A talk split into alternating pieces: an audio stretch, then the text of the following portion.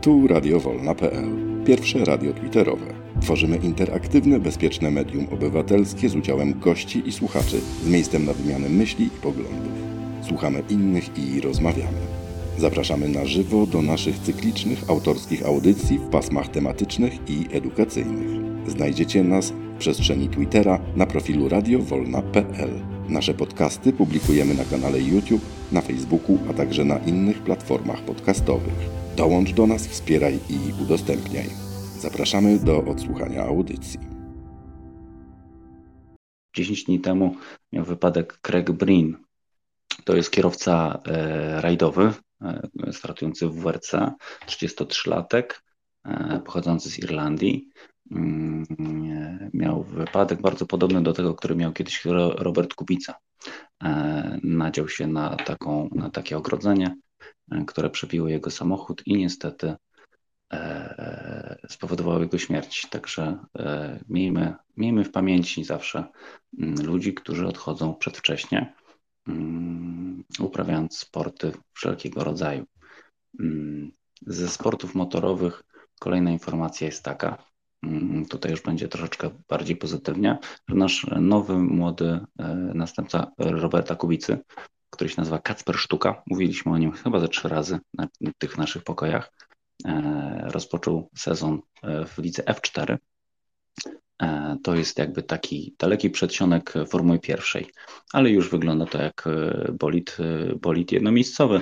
Ma odpowiednią moc, odpowiednie parametry, żeby takiemu 17-latkowi sprawiać dużo, dużo satysfakcji, dużo nauki.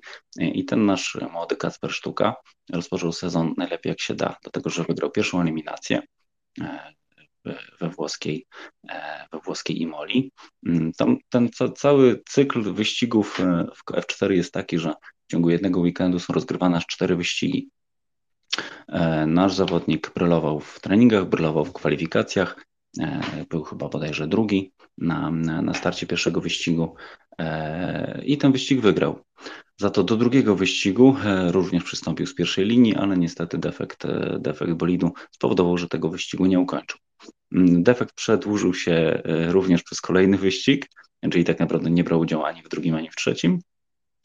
E, I w czwartym przystępował z szóstego pola e, startowego i tego wyścigu również nie ukończył. Także powiem Wam, że niezwykle utalentowany, niezwykle szybki.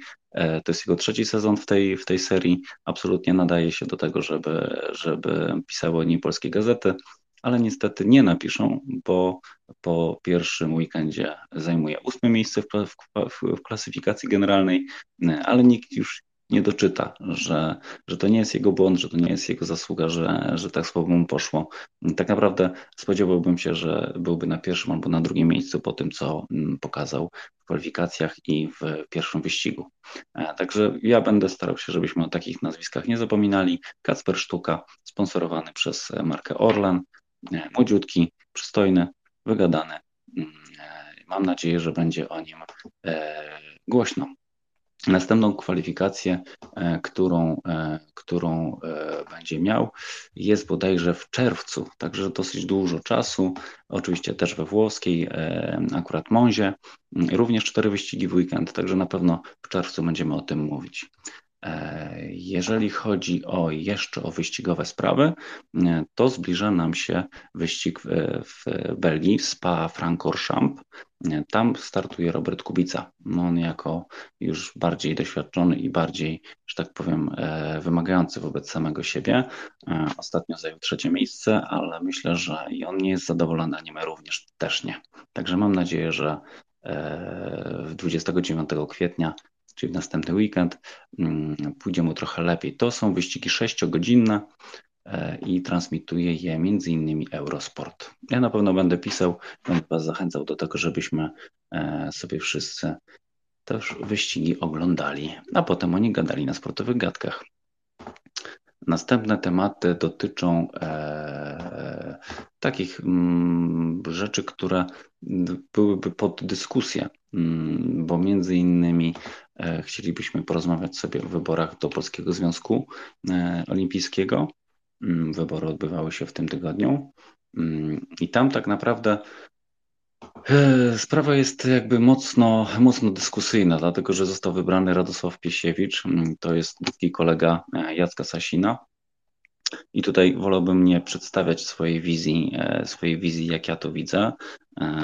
Być może znajdą się chętni do dyskusji na ten temat. Mm, tam tak naprawdę wybory to jest coś, co w związkach, e, z związkach, takich komitetach i tam wszędzie, gdzie są, gdzie są prezesury, układy i jakieś, jakieś zależności, mm, no trzeba po prostu być. Ja to widzę, że Zbigniew jesteś e, z nami. Jeżeli chciałbyś się na ten temat wypowiedzieć, to cię chętnie zaproszę, bo wiem, że ty jesteś mm, w tych strukturach e, od tej drugiej strony. Mm, a więc jeżeli masz przestrzeń, to cię serdecznie zachęcam do zabrania głosu każdym razie e, tak naprawdę tam mm, najbardziej emocjonalna wypowiedź, e, która padła, mm, była z ust e, tego prezesa, który odchodził, który był ponad 10 lat na tym stanowisku. Mm, I on wprost powiedział, że, że nie, nie chce, żeby go wybrano, dlatego że on ze swoim jakby z stanowiskiem politycznym nie, za, nie, nie, nie zabezpieczy finansowych potrzeb wszystkich związków e, sportowych, mm, które są pod jego pieczą. E, prezes, który został wybrany, wprost mówił o 300 milionach złotych, które, które przyniesie z, z rządu. Mm, I, I ta wypowiedź była taka no, niezwykle smutna, no bo tak naprawdę wcale nie wygrała demokracja, wcale nie wygrało e, dobro właśnie ciężko to nazwać, bo tak naprawdę mm, po części wygrał sport, tak? No bo pieniądze pojawią się i te 300 milionów mm, przepłynie sobie z budżetu do, do związków e, sportowych, ale y, czy tak powinno być? Zbigniew, jesteś? No jestem, jestem. Witam wszystkich. No tutaj akurat trochę rozwiązaliśmy tą, tą, tą sprawę. Trochę tak znam e, temat od takich, no tak powiem, nie tyle od kuchni, co pantoflowej poczty. E, no to jest wielki przekręt. To, to jest e, tłumaczenie byłego prezesa. To jest takie lakoniczne, żeby po prostu jakoś wybrnąć. Tam jeszcze wychodziła historia takiego niby nagrody, odszkodowania za rezygnację, parę baniek. Później się jakby z tego wycofał, coś tamtego, bo się okazuje, że komitet e, nie ma e, tyle kasy. E, tu chodziło, żeby wprowadzić swojego człowieka. Kolejna instytucja, gdzie się obstawia stołki, bo nie wiadomo co po wyborach, to trzeba się jakoś poustawiać.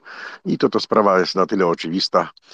Po prostu był przyszantażowany gość, nie wiem jakimi sposobami, ale tak krąży taką, mówię, pocztą pantoflową e, głosy, że, że po prostu było z góry. To po prostu jest nowy prezes, pan Piesiewicz.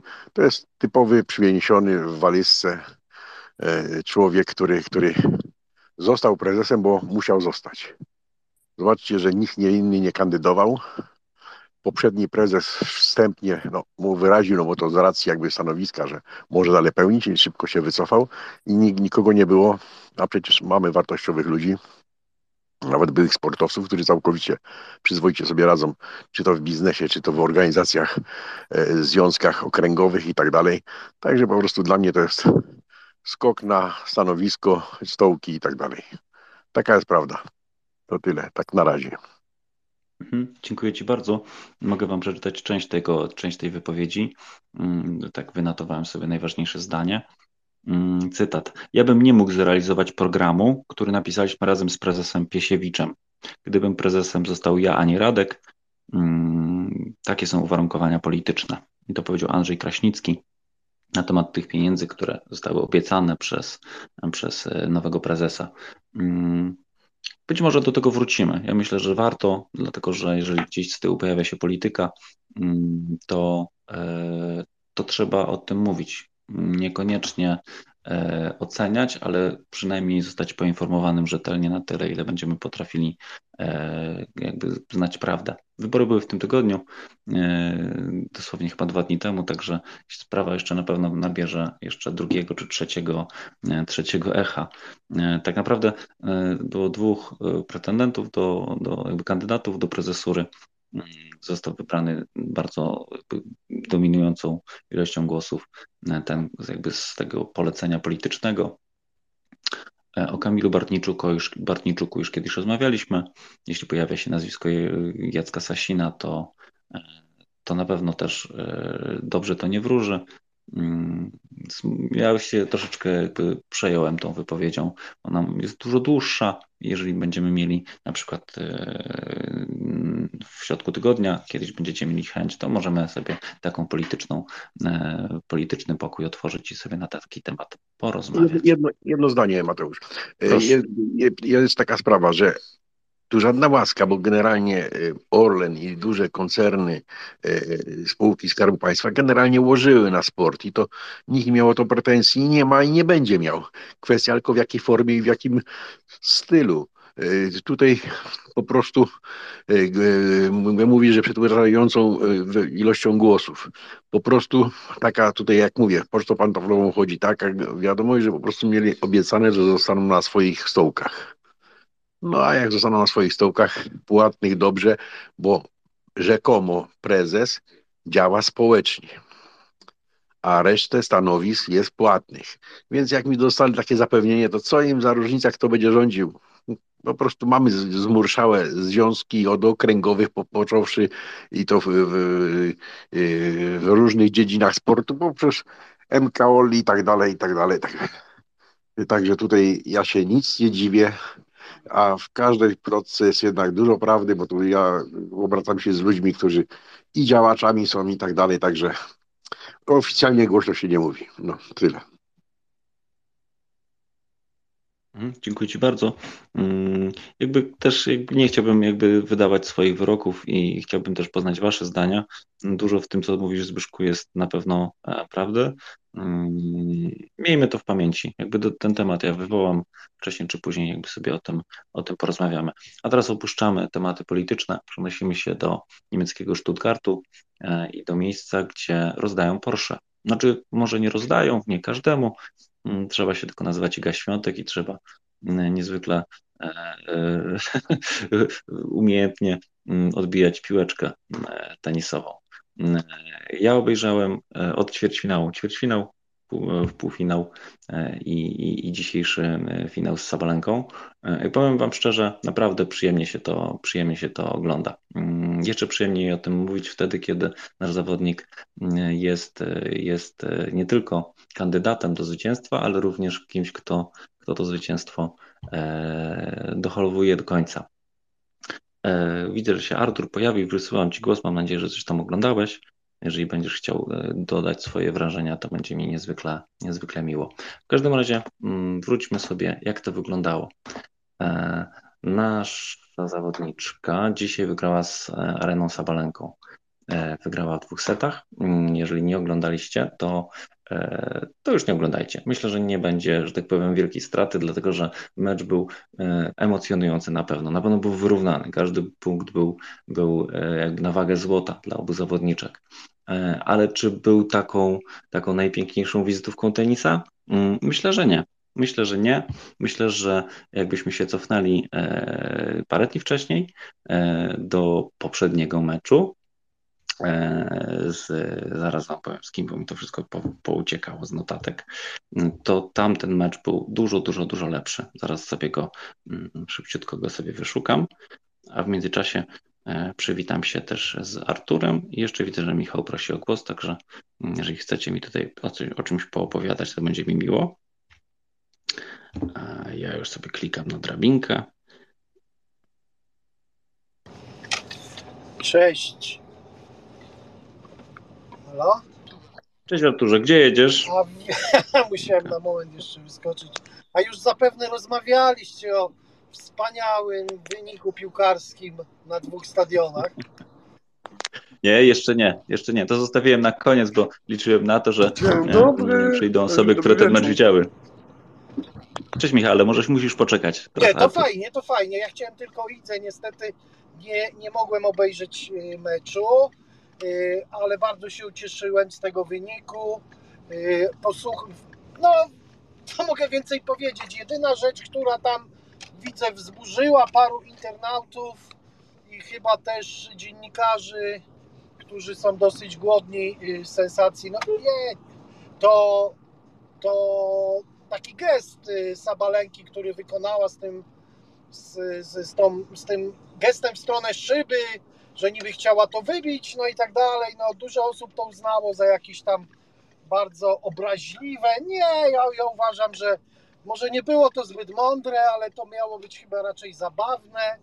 I, I, nie wiem, jak sądzicie, jeżeli zwróciliście na to uwagę, ale ja bym nie robił z tego wielkiego halo, zwłaszcza, że zwłaszcza, że yy, i tak już w tym tenisie to ciśnienie jest dosyć mocne yy, i, i tyle. Dobra, to na razie dzięki. Mm, dzięki Ci, Artur. Muszę Ci powiedzieć, że e, widziałem ten gest, specjalnie sobie przewinąłem, żeby, żeby wiedzieć, o czym mówimy. Możemy od niej zacząć tak naprawdę. Mm, Arena Sabolenka to jest taka niezwykle e, e postawna kobieta z Białorusi, 24-letnia, e, e, z uderzeniem po prostu tak mocnym, e, które po prostu no, myślę, że jest w top 3 całego turu kobiety, kobiecego. No, ona uderza Mateusz, piłki ona, ona serwisie... by Porsche rozwaliła tym pucharem, to bez problemu. Bez problemu, bez żadnego kłopotu. Ona uderza na serwisie powyżej 180 na godzinę. E, nasza IGA zdarza jej się coś strzelić powyżej 170, e, ale standard jest w 168, 5, 8, coś takiego. A ona wali regularnie powyżej 180, także ma rękę po prostu nieprawdopodobną. E, następna cecha tej zawodniczki to jest to, że ona strasznie jęczy przy serwisie.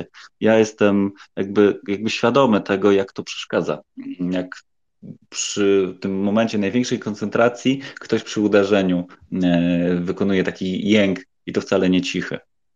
Mogę Wam powiedzieć z ciekawostek, że e, Maria Szarapowa, czyli taka najgłośniejsza zawodniczka, ona e, czasami jej się zdarzało jęknąć powyżej 100 decybeli. Wyobrażacie to sobie? Ja wiem, że hala jest wielka, ale tak naprawdę. I ona miała taki jęk jakby na dwa razy. To było takie. Być może ten drugi dotyczył returnu, tego nie wiemy, ale wróćmy do Sabalenki. Sabalenka generalnie, jakby wiadomo, jest z Białorusi, także nie cieszy się zbytnią sympatią, szczególnie w polskich kibiców, ale to sobie na razie zostawmy. Ona niezwykle była nastawiona na to, żeby, żeby dzisiejszy mecz wygrać. Jest to jej trzecia próba zdobycia tytułu e, w Stuttgarcie i wygrania samochodu Porsche.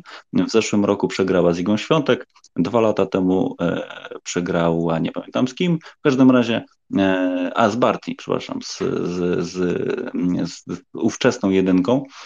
Także trzeci raz próbowała i trzeci raz się jej nie udało. Niezwykle skoncentrowana, z olbrzymim uderzeniem a nasza zawodniczka ma z nią słabe, słabą historię, dlatego że e, w zeszłym roku spotkały się e, cztery razy mm, i dwa ostatnie a nie, nie, przepraszam. Tutaj wygrała raz, dwa, trzy, cztery razy się widziały, dwa razy wygrała Świątek, dwa razy wygrała Sabalenka. W każdym razie nie, nie jest taką ulubioną naszą, że tak powiem, e, przeciwniczką. Niezwykle wymagająca, jeżeli trafia, to trafia po prostu i masakruje. E, I mecz był napięty. Taki był jakby na, na zasadzie mm, komu pierwszemu pękną, pęknie żyłka i, i, i, i puszczą mu nerwy. No i na szczęście e, Iga była tą bardziej odporną psychicznie, bo tutaj głównie chodziło o to, żeby utrzymać nerwy na wodzy. E, I jakby frustracja Aryny jakby rosła z, w ciągu meczu, tak? Pierwszy set zakończył się wynikiem do trzech, I to wcale nie oznacza, że nasza Iga miała jakąś gigantyczną przewagę. Mm, lepiej trafiała pierwszy serwis na pewno, bo tam było tych 80%. Arena tą swoją rakietową mocą trafiała w okolicach 50 czy 60%, także tu i trochę gorzej, ale dalej jakby jeżeli chodzi o serwis, e, tutaj myślę, że dominacja była po jej stronie. E, za to nasza Iga no, nieprawdopodobnie sprawna, szybka, e, przejrzystość na torcie, na korcie, jakaś jakby wykorzystywanie geometrii, e, super technika. I jakby tutaj ta, ta szybkość e, i, i technika wygrała z siłą. Drugi set zakończył się do czterech a arena, była tak jakby sfrustrowana, że, że nawet właśnie przy rozdawaniu nagród ona tam zażartowała sobie, że przyjdzie tu za rok i będzie chciała też mieć Porsche za to, że w ogóle doszła do finału. Potem właśnie tak jakby już po tych zdjęciach pamiątkowych tym swoim pucharem tak się zamachnęła w kierunku szyby, co wyglądało szczerze nieprawdopodobnie musi mieć w głowie jakby zaszyte coś, co mówi, mm, że muszę to zrobić, po prostu, że muszę wygrać i, i, i nie mogę, nie, nie potrafię pogodzić się z porażką. Tak naprawdę każdy jej przegrany punkt to było mamrotanie pod nosem, machanie rękami, machanie rakietą, jakieś wy, wykrzykiwanie sama do siebie. Mm, no nie, takich rzeczy nie lubimy. Zbigniewie, jesteś? No jestem, jestem. Ja tak y, szybciutko y, jednym zdaniem podsumuję. To był jeden z no, dość wysokiej, y, tak powiem, jakości meczy wykonaniu. Na pewno najlepszy mecz Igi w tym roku. Ale chcę odnieść, znaczy tak, na wysokim poziomie mecz, ale mecz bez jakichś specjalnych finezji, to trzeba przyznać. Ale odniosę się do trzech takich punktów technicznych, bo to bo nie każdy może na to zwraca uwagę. dlaczego, dlaczego, Artur, weź, weź, weź, weź wyłącz mikrofon, bo tu jakieś dzieciaki krzyczą. Artur, trzy rzeczy. Pierwsza rzecz. E, ta rekonwalescencja odpoczynkowa, jak ja to nazywam, wpłynęła jej troszeczkę chyba jej na psychiką opracowała. E, dlaczego wygrała? E, dwa pierwsze mecze, jak wygrała z Sabalenką, tak byście obejrzeli te mecze, to właśnie bardziej finezyjnie grała nasza dziewczyna. Skrót, jakieś takie tego pogonienie, bo Sabalenka nie lubi biegać, nie lubi tego. I dlaczego przy dzisiaj przegrała? Między innymi, bo zobaczcie, zwróćcie uwagę, że wynik 6-3-6-4 to wszystko, te, to, są, to są e, sety przy jednym tylko przełamaniu. Więc to nie jest był lekki mecz. Sabalenka bardzo dobry mecz rozegrała, tylko w decydujących meczach ona ma jedną wadę. Chce i pierwszą albo drugą piłką skończyć. Jeśli, e, e, tak jak w naszym przypadku dzisiejszym Iga, zaczęła, przypuśćmy, wymianę, to przeważnie tą wymianę e, Sabalenka generalnie przegrywała. Tutaj jedną tylko wygrała. To jest jedna rzecz. Druga rzecz, cały mecz, jakbyście obejrzeli sobie, to Iga od dawna tak nie grała na niskich nogach, czyli łatwiej było dojść do piłki, łatwiej było, e, e, że tak powiem, zmienić stronę, czy no, start w ogóle uderzenia to, co, to, to jak ja to nazywam, te, te, te rogale, te, te, te yy, krosy takie, które ona lubi dawać, to generalnie wchodziło z tego względu, że ona po prostu nie była usztywniona.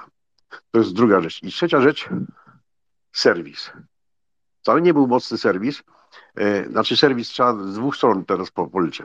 Pierwszy, yy, Iga jak mądrze serwowała, serwowała jej praktycznie na ciało, rzadko jak, jak bo jak inaczej zaserwowała, to praktycznie puszczała e, e, albo krosa, albo, albo po linii, albo tego, także e, dwa, dwie, trzy, trzy takie piłki było.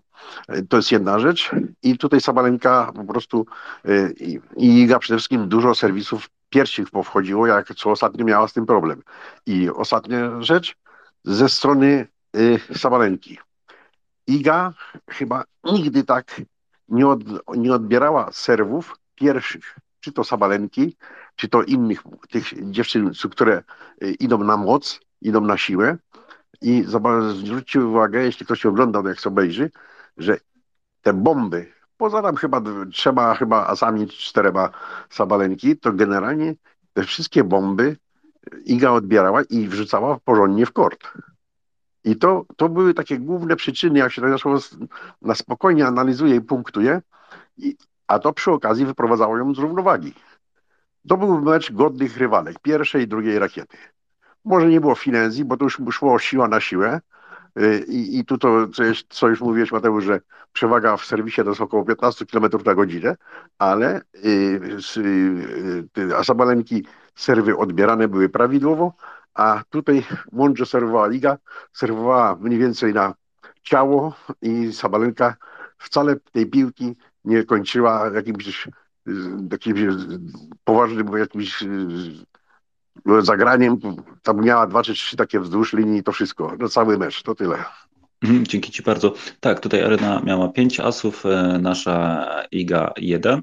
Generalnie, tak jak mówisz, tutaj e, Iga rewelacyjnie returnuje. mm, w opinii fachowców z, Eurosportu jest e, też w top 3 najlepiej returnujących zawodniczek w całym turze. Także to widać, że, że nie odpuszcza żadnej piłki. I też zwróciłem uwagę na te zagrania z niskich nóg. Jakby tutaj od razu Iga, od razu Agnieszka Radwańska mi się przypomniała, bo generalnie tak samo wygląda, jakby grając niezwykle mocne, mocne piłki praktycznie na kolanach. Mm, no i poza tym, jak, w jaki sposób ona się doślizguje do piłek e, i jaka jest waleczna. Jedna rzecz, którą e, jakby warto odnotować, chociaż jakby może o tym nie rozmawiajmy za długo. E, nie wiem, czy pamiętacie, jak Iga Świątek robiła pajacyki, dekoncentrując przeciwniczkę, co nie jest zbyt fair play. I tutaj nie wiem, czy Zbigniewie zwróciłeś uwagę na takie jedno zachowanie przy takim smeczu. Arena dostała, dostała taką, taką pionową świecę przy samej siatce i praktycznie no, stuprocentowa e, piłka. Jakby no, tutaj szansa na pomyłkę była 1 do 1000, a Iga E, tak ją zaatakowała, jakby, jakby przybie, podbiegła do samej siatki na 20-30 centymetrów się zatrzymała i machnęła rakietą tak przed, przed zawodniczką. Jakby ze sportowego punktu widzenia absolutnie nie miała prawa trafić w piłkę, obronić i, i uratować tego zagrania. To moim zdaniem to było zagranie takie na psychikę, po prostu podbiec, jakby tak przestraszyć, zaskoczyć zawodnika. E, oczywiście wszyscy zrobili wow, bo, bo gdyby dostała tą piłką taką 100 na godzinę w głowę, no to pojechałaby zaraz do, e, do, do, do lekarza, bo, bo na pewno to by się e, gdzieś tam mocno zaznaczyło na jej zdrowiu. Także to nie wiem, co Zbigniew, czy kojarzysz to, ten moment, ale on był, on był taki dziwny troszeczkę. Iga ma jakieś takie zagrywki jeszcze juniorskie, kiedy, kiedy mm, nie musiałaby tego robić, a robi albo też była tak napięta atmosfera w głowie, że, że po prostu taka determinacja, że po prostu nawet taką piłkę, która praktycznie była nie do obrony, e, nabiegła. Zbyszek? No, ale, ale fajnie wybroniła też taką, taką akcję właściwie, ale Sabalenka też się taką z jedną zrewanżowała. Nie wiem, czy zauważyłeś, że aż pierdyknęła tam, że kibic dostał w głowę też takiego, takiego e, swecza, takiego woleja przypierniczyła tak, tak z góry, gdzie Iga wybroniła taką piłkę, ale była blisko siatki i ta już jak przyrżnęła, to także wiesz, to taki remis. A Iga, ja wiem, powiem tak, no, y, Zobacz, że w kilku meczach ostatnich takie proste, wydawało się, y, że powiem, no stuprocentowe piłki, to jakoś tak smeczowała, czy, czy, czy, czy nawet jak próbowała jakiegoś woleja zagrać, to takie, to, to, to się okazało tak później mm, czytelne, że sporo zawodniczek wybraniało i z, z piłki stuprocentowej, beznadziejnej dla przeciwniczki, przeciwniczka wychodziła obrębną ręką i tutaj po prostu nie chciała ryzykować, to by za duża stawka meczu była, bo weź pod uwagę jedną rzecz, że yy, Iga bałem się, że może wpadć w kompleks Sabalenki, bo na początku ją ogrywała, później dwa istotne turnieje przegrała z Sabalenką i to tak bez jakiegoś tam jakiegoś y, podtekstu, że, że przypuśćmy coś tam i tak dalej. To, to mówię tak Sabalenka, żeby nie wyszło i tak jak Krejcikowa po prostu taki taki w, w, nawyk, że, że, że już z góry się musi inaczej sprężyć. Była skoncentrowana na całym meczu, nie chciała, nie pozwalała sobie na, na, na, tego nieudane zagranie nie przekładało się, po prostu nie dopuszczała, wymazywała z głowy. Po prostu następna piłka była najważniejsza. I to, i to przyniosło efekt, mówię. Y, przede wszystkim taktycznie ustawienie serwisu i poruszania się po korcie. Cały mecz, dlatego to, to, to, też, zwróciłeś uwagę, że na tych y, niskich nogach, dlatego że cały czas jest łatwiej wystartować do każdej piłki. A musiała się z tym liczyć, że Sabalenka no, będzie niektóre piłki będzie wybraniać i musi do, do, do, dochodzić. I miała taka jedna akcja fajna była, gdzie piłki właśnie wygrała piłkę, którą mi się wydawało, że nie może wygrać. Sabalenka lała, a ona szła w, w kierunku, bo była właśnie, zdążyła wystartować. Także te, taktyka, mówię, te, te kilka e, punktów, które żebym przedstawił, to doprowadziło do tego, że jak to się mówi, zemściła się za dwie porażki na Sabalence Iga. To tyle. Mhm, dziękuję Ci bardzo. Ja tutaj tylko jedną uwagę mam do, do Twoich e, wypowiedzi jakby na temat tego meczu, że, że jakby to było jakby mm, to było jakby taka mm, dobra, do, dobre spotkanie do oglądania, jakby na, na, bardzo wysokim poziomie. A ja bym przedstawił inną propozycję takiego meczu, który jest e, niezwykle, że tak powiem, dobry do oglądania. To jest ćwierćfinał mm, Igi Świątek z Piskową.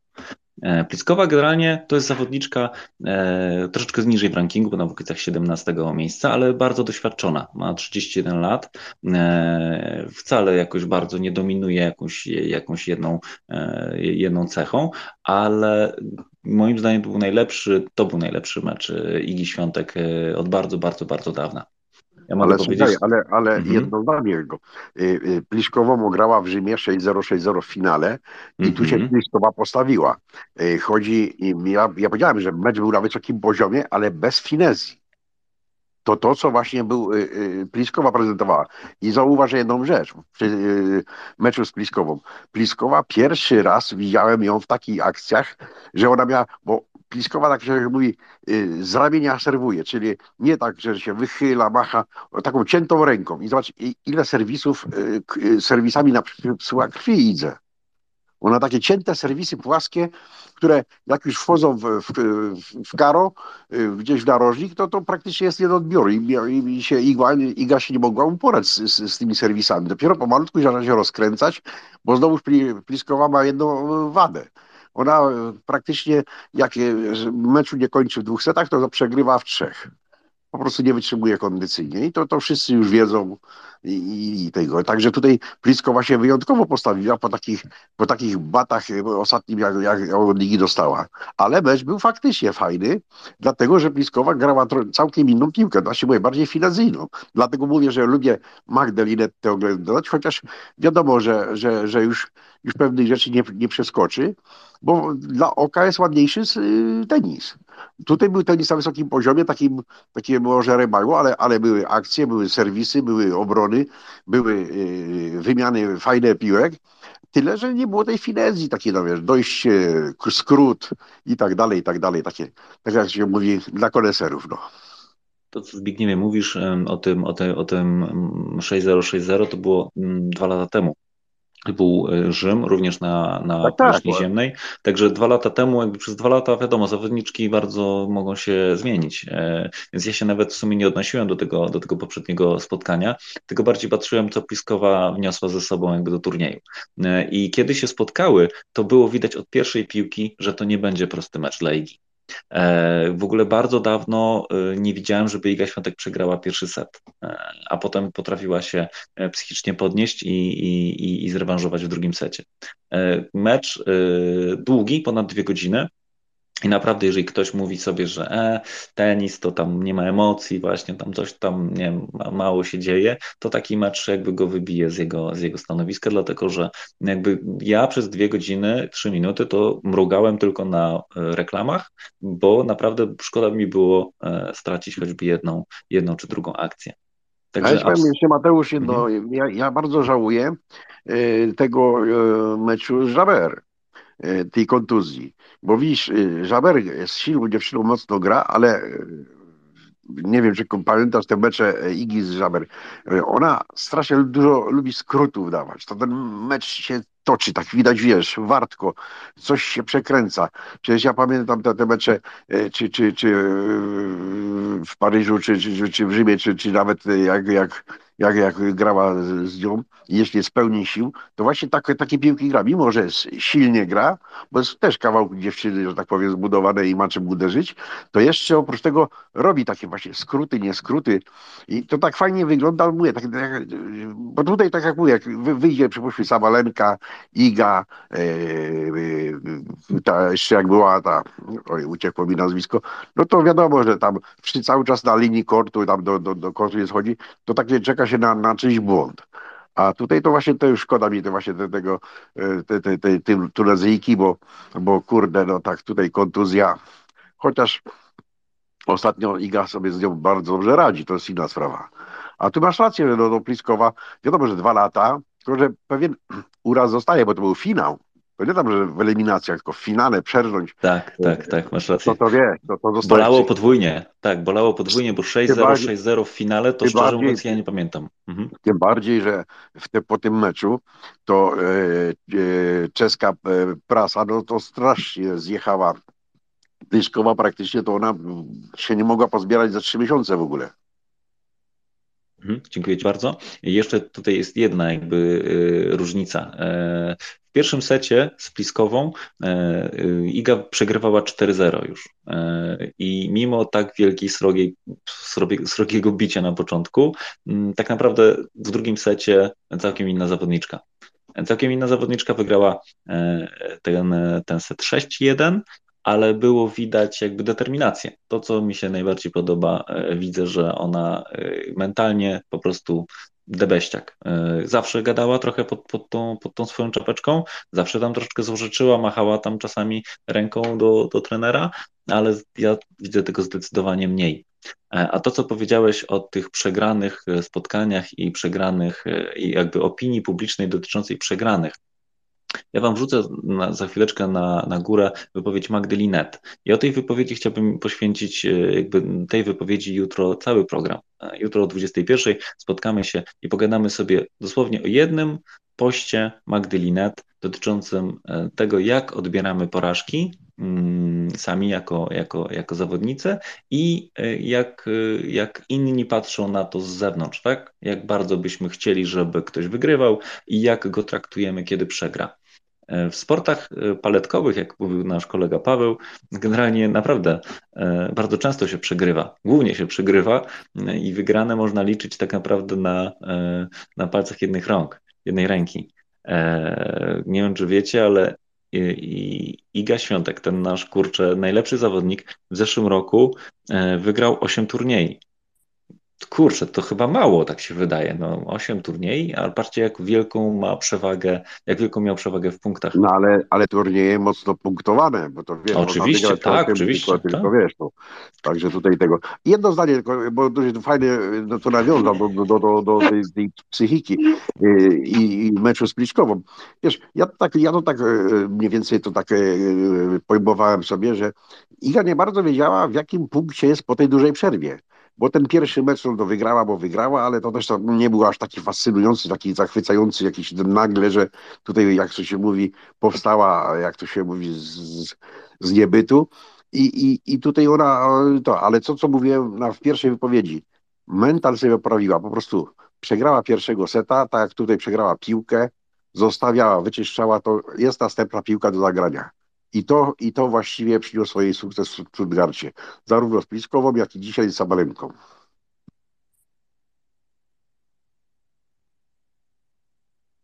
Tak, dokładnie tak. Oczywiście, że ja... chciała też sprawdzić y, z takim trudnym zawodnikiem. I też chciałbym, żebyście wiedzieli, że w tym roku tak naprawdę Iga Świątek, mimo że tak na nią złożyczymy i mówimy sobie, że, że to już nie jest ta sama zawodniczka, że ma trudniej, że gorzej gra, to już jest trzeci, trzeci wygrany e, turniej e, w tym roku. A mamy, jakby nie patrzeć, kwiecień. Mm, e, ja się przyłączam jeszcze, muszę Arturowi, że tak powiem, poprosić Artura o długą wypowiedź, możesz się rozgadać, bo ja muszę poszukać ładowarki od laptopa. Proszę bardzo. No więc tak, y, urodziłem się w Małkini w lipcu. Dobra. E, ja chciałem no tylko... nie aż tak, nie aż tak. Ja chciałem tylko do Zbigniewa właśnie z, y, rzeczywiście trafnie to ująłeś, hejt, powiedziałeś hejt, który wylał się na Pliskową i tak właśnie się zastanawiam, jak mógłby wyglądać czeski hejt. Ja mam bardzo duży sentyment, bardzo lubię naszych przyjaciół z południa i nie mówię tego z przekąsem, ja ich po prostu kocham. Uważam, że na, naród Hrabala i, i wojaka Szwejka i, i, i, pociągów pod specjalnym nadzorem to jest, to jest najfajniejszy naród świata i dlatego ten tak się zastanawiam, czy na przykład ktoś jej nie, nie dolał piwa w pubie na przykład. to mnie tak akurat ruszyło. No nie wiem, jak, jak oni mogli być, co, jakąś krzywdę tam, jakie słowa padły, na przykład ty, ty, ty, ty łobuzie, ty, albo coś w tym stylu. No to tylko takie, kazałeś mi długo mówić, więc się teraz produkuję, ale myślę, że to można by też mógłbyś zrobić, Mateuszu, cały program o różnych rodzajach hejtu w zależności od szerokości i długości geograficznej. To by było dosyć to zacznę zbierać tylko na jakiś e, bilet lotniczy, żeby zacząć najlepiej, mm, czekaj, gdzie jeszcze, gdzie, o, w Hawajach dawno nie byłem, to znaczy nigdy, ale mm, tam właśnie chciałbym zacząć. Także spoko, ale jeżeli chodzi o hejt, jakby myślę, że tutaj nacje mm, być może mają większą kulturę, jeżeli chodzi o media e, sportowe e, i traktowanie zawodników, ale też myślę, że zawsze znajdą się kibice tacy, którzy nie przebierają w słowach i zawsze mają jakieś wielkie pretensje. Rozkład jest pewnie zbliżony chyba w każdym, w każdym kraju jest tak samo. Mm, chyba, że jest taki bożyszcza, mm, e, jakiś tam, nie wiem, Robert Lewandowski, którego wszyscy będą nosić na rękach, ale w pewnym momencie go zrzucą, bo kiedyś przegra, kiedyś nie trafi karnego. Tak mi się wydaje. W każdym razie. Zdarzało. Hmm? Mów, mów, mów, Arturze. Nie, tylko mówię, że ju, już mu się zdarzało. Już mu się zdarzało, jak najbardziej tak. E, jeszcze dojdziemy do piłki. W każdym razie, jeżeli się tylko uda, bo widzę, że tutaj też Twitter dzisiaj nie chce ze mną w ogóle współpracować, to na górze zaraz zobaczycie bardzo ładną, e, bardzo ładną wypowiedź. To jest akurat tweet Dawida Żbika, mm, e, człowieka, którego też śledzę i też Wam proponuję, jeżeli chodzi o takie, takie newsy z, ze świata tenisa. E, on to wyszukał, napisał o tym, e, po nim zaraz napisał e, jakiś tam WP, czy jakiś, jakiś Onet. Jedyne, co tak naprawdę mnie bardzo też tak jakby otworzyło mi oczy szerzej, to w jakimś, w jakimś portalu takim właśnie typu Onet było napisane, że Magdalinet pokazała brzuch i napisała emocjonalną wypowiedź, gdzie tak naprawdę sposób budowania clickbaitów w naszych mediach jakby mówi o, o tej jakości bardzo dużo fatalna, fatalna sprawa. Nie wiem, czy się wyświetli ten, ten, ten post na górze, czy nie, ale będę próbował. Już jest, już jest. Już jest? A widzisz, ja go nie widzę na żadnym komputerze. Nawet, o, nawet dwa razy. w każdym razie rozwincie go sobie, przeczytajcie i jutro z Anią będziemy próbowali troszeczkę wejść w głowę e, i zawodnikowi, i wejść w głowę troszeczkę kibicowi, e, co tak naprawdę powinien myśleć, co myśli e, i dlaczego tak się dzieje. Także to już z góry zapraszamy. E, a jeżeli chodzi Zbigniewie o Ons Jaber, ja, ja ją bardzo lubię. Ona jest, ona jest sympatyczna, ona jest po prostu sympatyczna i ten półfinał byłby też moim zdaniem na bardzo wysokim poziomie. E, I ze świątek się też tak fajnie złożyło, że miała e, trzy, trzy nawet cztery zawodniczki i każda absolutnie z innym stylem grania.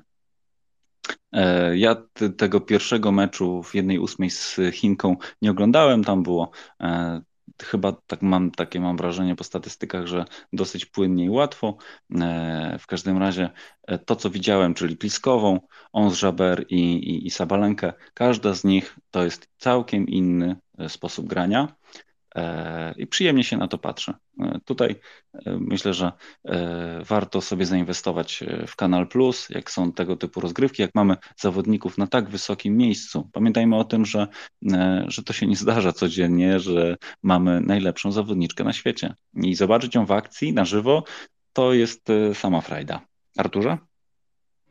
No, ja tylko tak dodam, że z tego co wyczytałem, y, y, trochę było takich komentarzy, że, że, że BR ona nie dograła tego meczu, mimo że mogłaby, y, bo ta kontuzja chyba nie jest poważna. Zresztą ona, tak jak to Iga stwierdziła, ona bardzo dużo grała ostatnio i, i mo można się zgodzić. Zobaczyła w jakiej formie jest Iga, nie czuła się najlepiej na korcie i chyba bardzo mądra, bardzo mądra decyzja, tak mi się wydaje.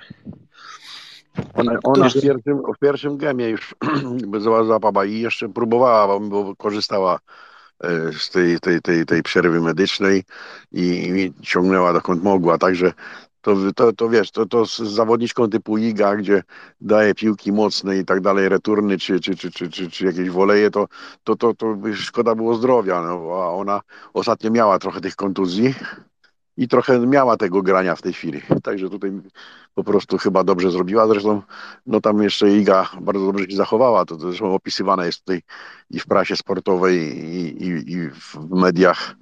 No, zresztą Iga ma to do siebie, że, że potrafi się zachować. No.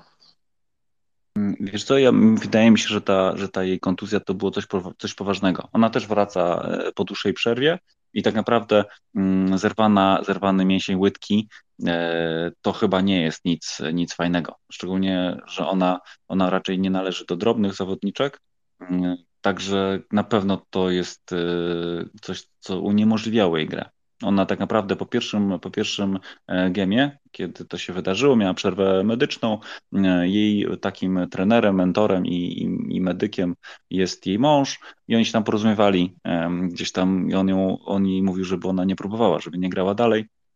Ona ze względu na, na, na jakby swoją sytuację, jakby no, nie chciała zostawić chyba kibiców, tak po prostu po pierwszym gemie podjęła walkę, próbę jeszcze w dwóch kolejnych, ale to już, to już nie było to. Ja już przyznam się szczerze, że włączyłem chyba w drugim gemie, włączyłem, patrzę, mówię, co się dzieje, mówię, dlaczego ona jest tak wolna, mówię, coś tu jest nie tak. I napisałem jakiegoś tweeta, ale tak potem patrzę, mówię, nie, muszę go skasować, bo, bo coś jest nie tak. I się okazuje, że e, ona, nie, to, byłoby, to, to byłaby masakra to nie, to ludzie wychodziliby z sali, jakby, jakby ten mecz trwał dalej, e, bo, bo byłaby gigantyczna deklasacja. Dokładnie tak, a przecież sezon dopiero wielkich turniejów się zaczyna, no przecież yy, Stuttgart to taka przymiarka, a teraz mamy, mamy, mamy, jak to się mówi, wszystko w wielkim szlemie się zacznie poważne, po, po, poważne i takie przerywniki gdzieś tam w te WTA 500 i tak dalej, a tak to generalnie sezon przed to jak troszkę wyjdzie pod tego, to się wy, wyłączy się na cały rok już. Dokładnie tak, e, dobrze to podsumowałeś Zbigniewie. Stuttgart to jest gra w hali, także niby ziemia, niby, niby, e, niby już mm, kord ziemny, ale jednak halowy, więc troszeczkę taki jeszcze nie do końca taki jak będzie na Roland Garros. Tak czy siak jest to taki turniej, od którego bardzo wiele zawodniczek zaczyna. E, I bardzo fajnie się złożyło, że tutaj finałowym meczem e, była e, turniej, jakby rankingowa jedynka z dwójką, tak? czyli jakby najlepszy możliwy układ. Ale o tym już zapominamy. Będziemy patrzeć y, w newsach jakiś właśnie y, Interi, WP, jakiego koloru Porsche wybrał tata Igi Świątek, bo ten samochód będzie dla niego, także to będą te newsy dotyczące tego turnieju, a my się już przenosimy do Madrytu, dlatego że tak, już jutro... Jedno, jedno właśnie mhm. pytanie do Madrytu, bo ja nie zdążyłem tutaj wyłapać, miało być o godzinie 19 losowanie. No wiadomo, że Sabalenka i, i, i, i, i Iga będą w osobnych drabinkach i prawdopodobieństwo bo i Rybakina i Żaber e, z kontuzjami nie zagrają i prawdopodobnie wszystko na to wskazuje, że będzie znowu finał ten sam. Tak, bardzo prawdopodobne. Generalnie z takich ważniejszych rzeczy, no to e, na 99% e, Iga Świątek spotka się najpierw z Emmą Radukanu, też dosyć dobrej jakości zawodnik, a potem z, Boże, zapisałem sobie, E, zaraz wam powiem. E, z Eleną Rybakiną. O, z Rybakiną będzie grała sobie kolejną rundę. No i jest wiadomo, że Arena Sabalenka jest po drugiej stronie e, turniejowej drabinki, więc jeżeli miałyby się spotkać, to znowu spotkają się w finale. Oczywiście Iga no, broni. Mówili, że, mówili, mówili, że Rybakina, Rybakina nie wystąpi ze względu na kontuzję, bo też przecież coś tam miała problem. To jest w drabince. Jest w drabince dwie godziny temu, tak jak powiedziałeś, było losowanie. 19.40 czy tam 30 mam, mam tweeta, jest napisane, że Elena Rebiakina gra. Być może się. Zgłosiła, zgłosiła, ale, ale, ale bo jeszcze dzisiaj przed losowaniem dwie godziny, tu właśnie było na e, po transmisjach e, Stuttgartu, było właśnie, że właśnie ten rozkład, że prawdopodobnie się spotkają w finale, bo Rybakina i Żaber y, nie będą grać. No to, to, to, to, to trochę zaskoczenie takie. No być może, że kontuzja nie jest zbyt ciężka, a liczę, że te przyszłe 2-3 dni to się jakoś tam wy, wykaraska. No, ja wyklikałem faktycznie. Generalnie masz rację, że tutaj Rybakina nie dokończyła meczu w Stuttgarcie, e, ale to było trzy dni temu. E, faktycznie kontuzja jest zapisana, ale być może po pierwszych treningach e, gdzieś tam podejmą decyzję. Ranking jest wysoki, bo to jest bodajże tysiąc więc e, niezwykle ważne dla każdej zawodniczki. E, Iga Świątek broni, broniła i Stuttgartu, broni, e, broni Madrytu, broni potem Rzymu, także tak naprawdę tutaj my nie będziemy budować sobie mm, punktów, chociaż nie, przepraszam, Madrytu chyba nie grała w zeszłym roku. To Madryt będzie, tak, Madryt będzie, będzie miała szansę troszeczkę odskoczyć Sabalence. Mhm, słusznie, dobrze. Zostawiamy tenis za sobą.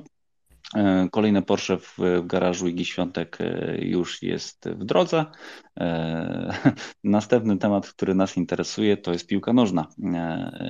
Tutaj może zaczniemy sobie od przygody Lecha Poznań, bo wiem na pewno Artur, wiem, że oglądałeś jeden i drugi mecz. Przypomnę, Liga Konferencji Europy. Pierwszy mecz przegrany 3 do 1 a drugi, e, tak jakbyśmy mieli całkiem drugą drużynę. Nie wiem, jakie jest Wasze zdanie, tych, którzy widzieli oba spotkania. E, Artur? No, to w ogóle, to rzeczywiście, bo to była inna drużyna. Ja nie wierzę w to, że to był Lech. to był jakiś sprytny manewr. No zupełnie inny, inny team. Fiorentina też zupełnie inny, ale, ale co nie zmienia faktu, że Lech zagrał bardzo dobre spotkanie. No, po tej trzeciej bramce to, to, to, to ja po prostu szalałem. Też z doskoku to oglądałem, ponieważ jak każdy pilny człowiek w moim wieku byłem w pracy, ale pracuję z domu, więc miałem tą możliwość. Więc no nie, no mecz, mecz, mecz bardzo dobry wręcz i przy takich roszadach też w składzie, więc no co tu, do, no ale kurczę, no te dwie stracone bramki, to w sumie Ciężko powiedzieć, że w głupi sposób, no nie ma głupich bramek. No, otworzyli się, no, wynik meczu, dwumeczu był wyrównany. Yy, no i, no i tak się skończyło, ale, ale, ale chwała Lechowi. Yy, chwała Lechowi za wszystko. Z mojej perspektywy za remis z Legią i za tą postawę, za tą postawę z, z, z Włochami. Naprawdę kompletnie. Przede wszystkim miałem wrażenie, że oni chcą coś udowodnić sobie. No ja wiem, to jest taki komunał ale sobie innym i zagrali w końcu z zębem, tak jak powinni grać po prostu zawodowi piłkarze y, na, na, na, na tym poziomie. Dzięki. Mhm. Przepraszam, pomyliłem się. Pierwszy mecz przegraliśmy 1-4 i tutaj to też jest ważne, że y, po tak srogim laniu i mm, tutaj na pewno Zbigniew będzie miał inne zdanie, ale wydaje mi się, że naprawdę bardzo mocno w pierwszym meczu odbiegaliśmy jakościowo. E, oni pojechali e, kilka dni później że tam tydzień później na, e, na, na rewanż do Włoch.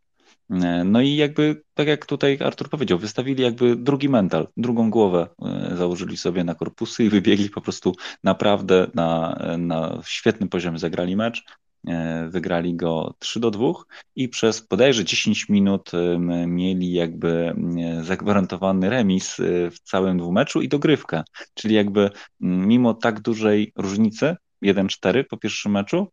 Doszli do takiego momentu, że, e, że osiągnęli remis w dwumeczu i e, jakby już każdy się spodziewał, że będzie, że będzie dogrywka, że jakoś doholują tą, tą do, do tej dogrywki, a wiadomo, już wtedy już są nerwy. Fiorentina jako, jako e, zespół jakby no absolutnie du, du, du, dużo bardziej stawiany jako faworyt. Na pewno by się denerwował. Kto wie, może skończyłoby się karnymi. W każdym razie był i tak czy siak sprawili wielką, wielką niespodziankę, że, e, że cały mecz wygrali z nimi 3-2, a w pewnym momencie było, było 3-1 i co dawało im, e, im dogrywkę. E, Kamil, witaj. Zapraszam Cię, a potem Zbigniew. Cześć, dobry wieczór wszystkim. No, na temat meczu Lecha to nie będę nic wypowiadał, bo no, nie oglądałem z, z powodu pierwsze, że mi raczej przepraszam, nie tak patriotycznie, ale nie interesowały mnie mecze Lecha w europejskich pucharach. Po drugie, no nie mam via play. E, co do, trzeba pogratulować Rakowowi Mistrzostwa Polski, no bo już to jest na 99% pewne, że zostaną mistrzem Polski. E, także mamy nowego mistrza Polski. Zobaczymy, jak ten cały wózek będzie jechał dalej bez głównego dyrygenta, czyli Marka Papszuna. Czy ten projekt podzieli los takich projektów jak Amika Wronki czy Grodzic Wielkopolski?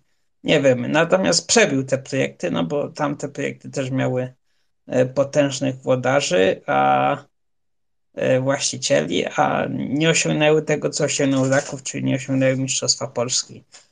I, I za to mimo wszystko trzeba pogratulować Częstochowie, że, że po prostu z niczego z systematycznej pracy zdobyli Mistrzostwo Polskie. To teraz z mojej strony. Mhm, dziękuję Ci bardzo. Do tego tematu Papszuna zaraz dojdziemy.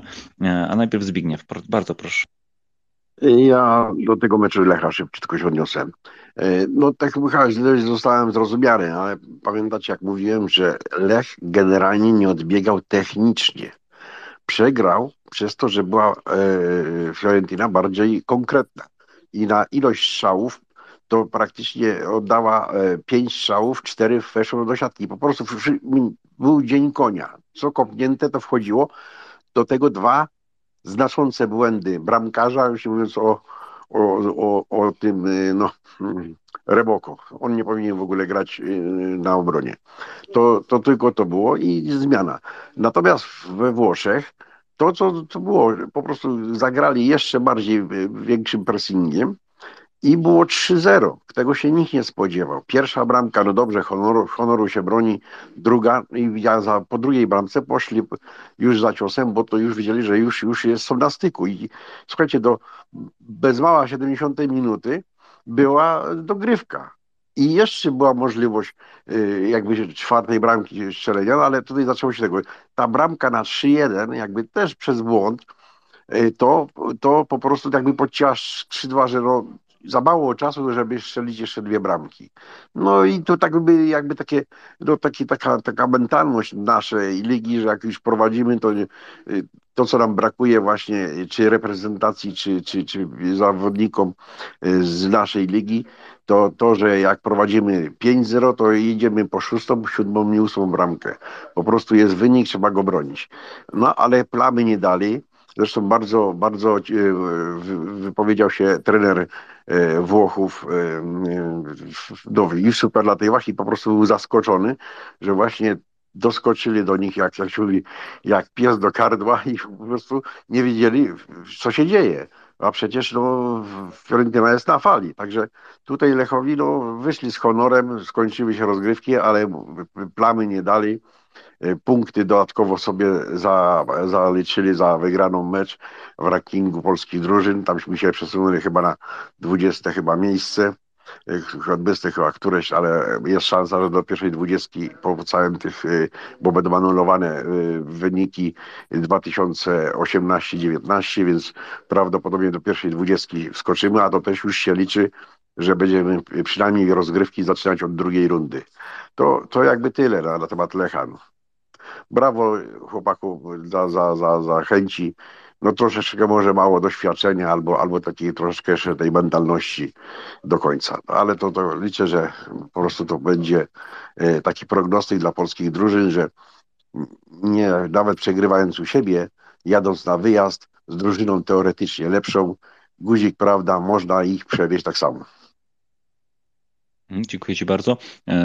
E, też tego typu mecze są też e, taką trampoliną dla młodych zawodników, e, jeżeli chodzi o, o europejskie, europejskie kluby. I tutaj e, najgłośniejszy transfer, który gdzieś tam w tym tygodniu się u nas, że tak powiem, w naszych mediach pojawił, no to sprzedaż Michała Skurasia. 8 milionów euro. Tak, dokładnie. Belgijski klub Bruges, Bridge, Bruges, Bridge, nie wiem. Nie wiem, czy to bardziej po holendersku, czy bardziej po, po jakimś innym języku. Przepraszam, e, ale myślę, że Artur będzie wiedział. Nie wiem, wydaje mi się, że Bridge, a to ja nie wiem, czy to jest waloński, czy flamand, nie, ciężko mi powiedzieć. Pamiętam, że był taki zawodnik, który grał w Bridge lata, lata, lata temu. On był zawodnikiem yy, królem strzelców polskiej ligi, ale to było kilkadziesiąt lat temu. ja byłem wtedy a, nieważne, ale był taki. Muszę sobie przypomnieć, nie wiem, czy nie jest Dziubiński? Kto to może wiedzieć? Ja tylko chciałem dodać, że e, Lech oddał trzy lub cztery celne strzały na bramkę. Trzy.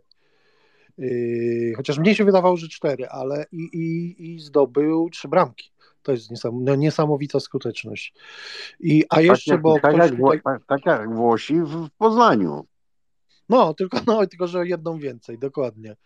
Yy, I tutaj do Kamila, no to, to, to te statystyki może tutaj bym uzupełnił, ponieważ Amika Wronki gra dalej. Yy, Amika Wronki grała przed właśnie w czwartek w Fiorentinie. To tak a propos projektów, o których mówiłeś, martwiąc się o Częstochowski.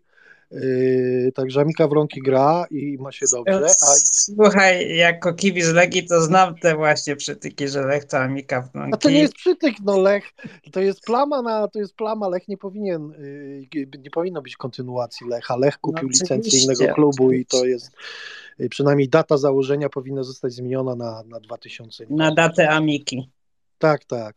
No a drugą rzecz to jest taki, tak jak widzisz, zatacza historia koło, bo ten projekt, który w Częstochowie, no miejmy nadzieję, y, nie do końca się posypie, e, ja mam przynajmniej taką nadzieję, to debiut Amiki Wronki, e, właśnie przez przypadek sprawdziłem, odbył się w 95 roku i z kim? Otóż Amika Wronki wygrała 3-1 właśnie z Rakowem Częstochowa. To był debiut Amiki w pierwszej lidze. Także, ach, Lech wszystko zawdzięcza Rakowowi. Także dziękuję.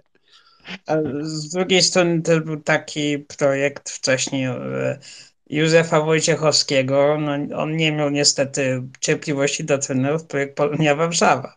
To też był taki ciekawy projekt, nawet się tam ocierali. Nie wiem, czy grali w europejskich pucharach, nie wiem, ktoś poprawić, czy, czy Polonia za Wojciechowskiego gdzieś tam otarła się o europejskie puchary? Chyba w jakichś eliminacjach grali. Ale Ja jedną, to- rzecz, jedną rzecz sobie wyjaśnijcie. E, e, Lech, tak się mówi, że ta przytyk, że tak dalej, to było jakby połączenie klubów, tak jak było w Kielcach. Jest Korona, a wcześniej była Iskra, SHLK i tak dalej, to tak wszystko się łączyło. Natomiast jedynym klubem, który by kupił, jak to się mówi tego, to była Polonia, która po prostu kupiła, kupiła licencję. No nie wiem, ktoś jeszcze kupował licencję takiego klubu, który się nazywał Miliarder Pniewy. Nie wiem, czy mało kto już pamięta, że coś takiego kiedyś było. No to tych, tych przejęły to, tą licencję chyba. A właśnie teraz i kolejna, ach, ten normalnie, nie, chyba przez to, Jeszcze to- była, jeszcze była fuzja, czy tam fuzja, czy przejęcie licencji Olimpii y, Lechia Gdańsk przejęła licencję Olimpii Poznań. A no to czyli to już taki, taka polska świecka tradycja. A właśnie sprawdziłem, ten Polak, y, Polak, który tak, miałem rację, nazywał się Dziubiński, grał w FC Bridge i kolejna ciekawostka. No nie wiem, ta sztuczna inteligencja niesamowite rzeczy wyprawia, bo ja tylko o tym pomyślałem. I od razu mi wyskoczyło. To był pierwszy Polak, słuchajcie, który strzelił bramkę w Lidze Mistrzów. Właśnie y, Dziubiński grając dla FC Bridge. Było to 3 marca 1993 roku w 42 minucie meczu Bridge przeciwko, Ranger, pr- przeciwko Rangersom. Bardzo dobrze, piątka z plusem, siadaj. Super! Nie, nie, szanuję, szanuję. Też sobie to wyklikałem na Wikipedii, ale cieszę się, że ty trafiłeś e, na to szybciej. Nie, Faktycznie, 93 rok. Kurczę, ja to wtedy miałem 12 lat, to ja nawet nie wiem, nie rozróżniałem, podejrzewam, piłki od kosza, od piłki do, do nogi, bo była tylko jedna na wiosce.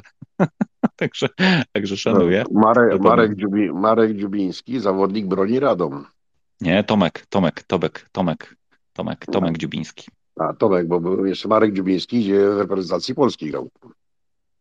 O, widzisz, no kurczę, z wami to lepiej niż z, ze sztuczną inteligencją. W każdym razie, wracając na nasze domowe, domowe e, boiska, e, generalnie zostało nam pięć kolejek, e, pięć kolejek naszej PKO BP Ekstraklasy i tutaj wspomniany przez nas Lech Poznań jakby nadal o coś walczy, dlatego że aktualnie jest na czwartym miejscu, ma 48 punktów, w ostatniej kolejce zremisował z Legią Warszawa, co moim zdaniem, ja ten mecz widziałem, e, nie wiem, czy ktoś jeszcze oglądał, E, Zbigniew? No, oglądałem ja całą ligę. Oglądałem i szczerze powiedziawszy, to był jeden no, z lepszych meczów w ogóle, jak już o wykonaniu obydwu drużyn. Yy, W ogóle mecz bardzo ciekawie, że tak powiem, skonstruowany, bo pierwsza połowa to Legia i, i wypad Poznaniaków i bramka kontaktowa. W drugiej połowie no, mogli Legię powieść na, na, na dobre. Yy, No, ale mecz szybki, wartki, yy, na niezłym poziomie jak na polską ligę. Bym powiedział, że wiele, wiele meczów innych lig, średnich dru- drużyn ze środka tabeli jest na niższym poziomie. I o, ja powiem tylko jeszcze takie jedno zdanie, że ta kolejka obecna bardzo obfitowała w bardzo dobre mecze. Dużo bramek, y, ładnych bramek, bardzo, bardzo, bardzo atrakcyjna kolejka i, i naprawdę można powiedzieć, że było co oglądać. Mogę Wam tylko jeszcze powiedzieć jedno nazwisko. E, Strzelcem obu bramek w meczu e, Legii z Lechem był Afonso Sousa, taki młody Portugalczyk i co jest jakby dla nas takim dużą, dużą, dużym wz- wzmocnieniem i dużą, dużym wyróżnieniem, dlatego że to jest reprezentant e, Portugalii U21.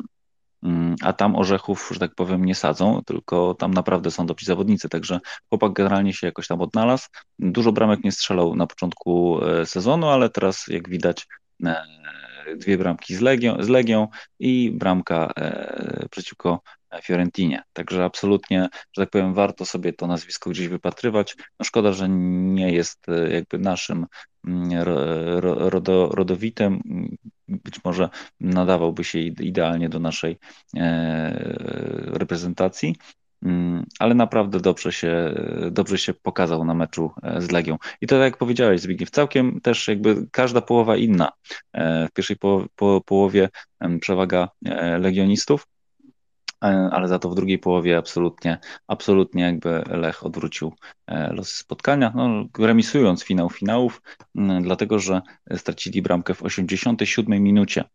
Mm, ale moim zdaniem e, nie zasłużyli legioniści na to, żeby, żeby to e, zremisować. Ale Kamil, mam nadzieję, że, mnie, że mi to wytłumaczysz. Ale jedno, jedno, jedno, zdanie do, do Sosy tylko.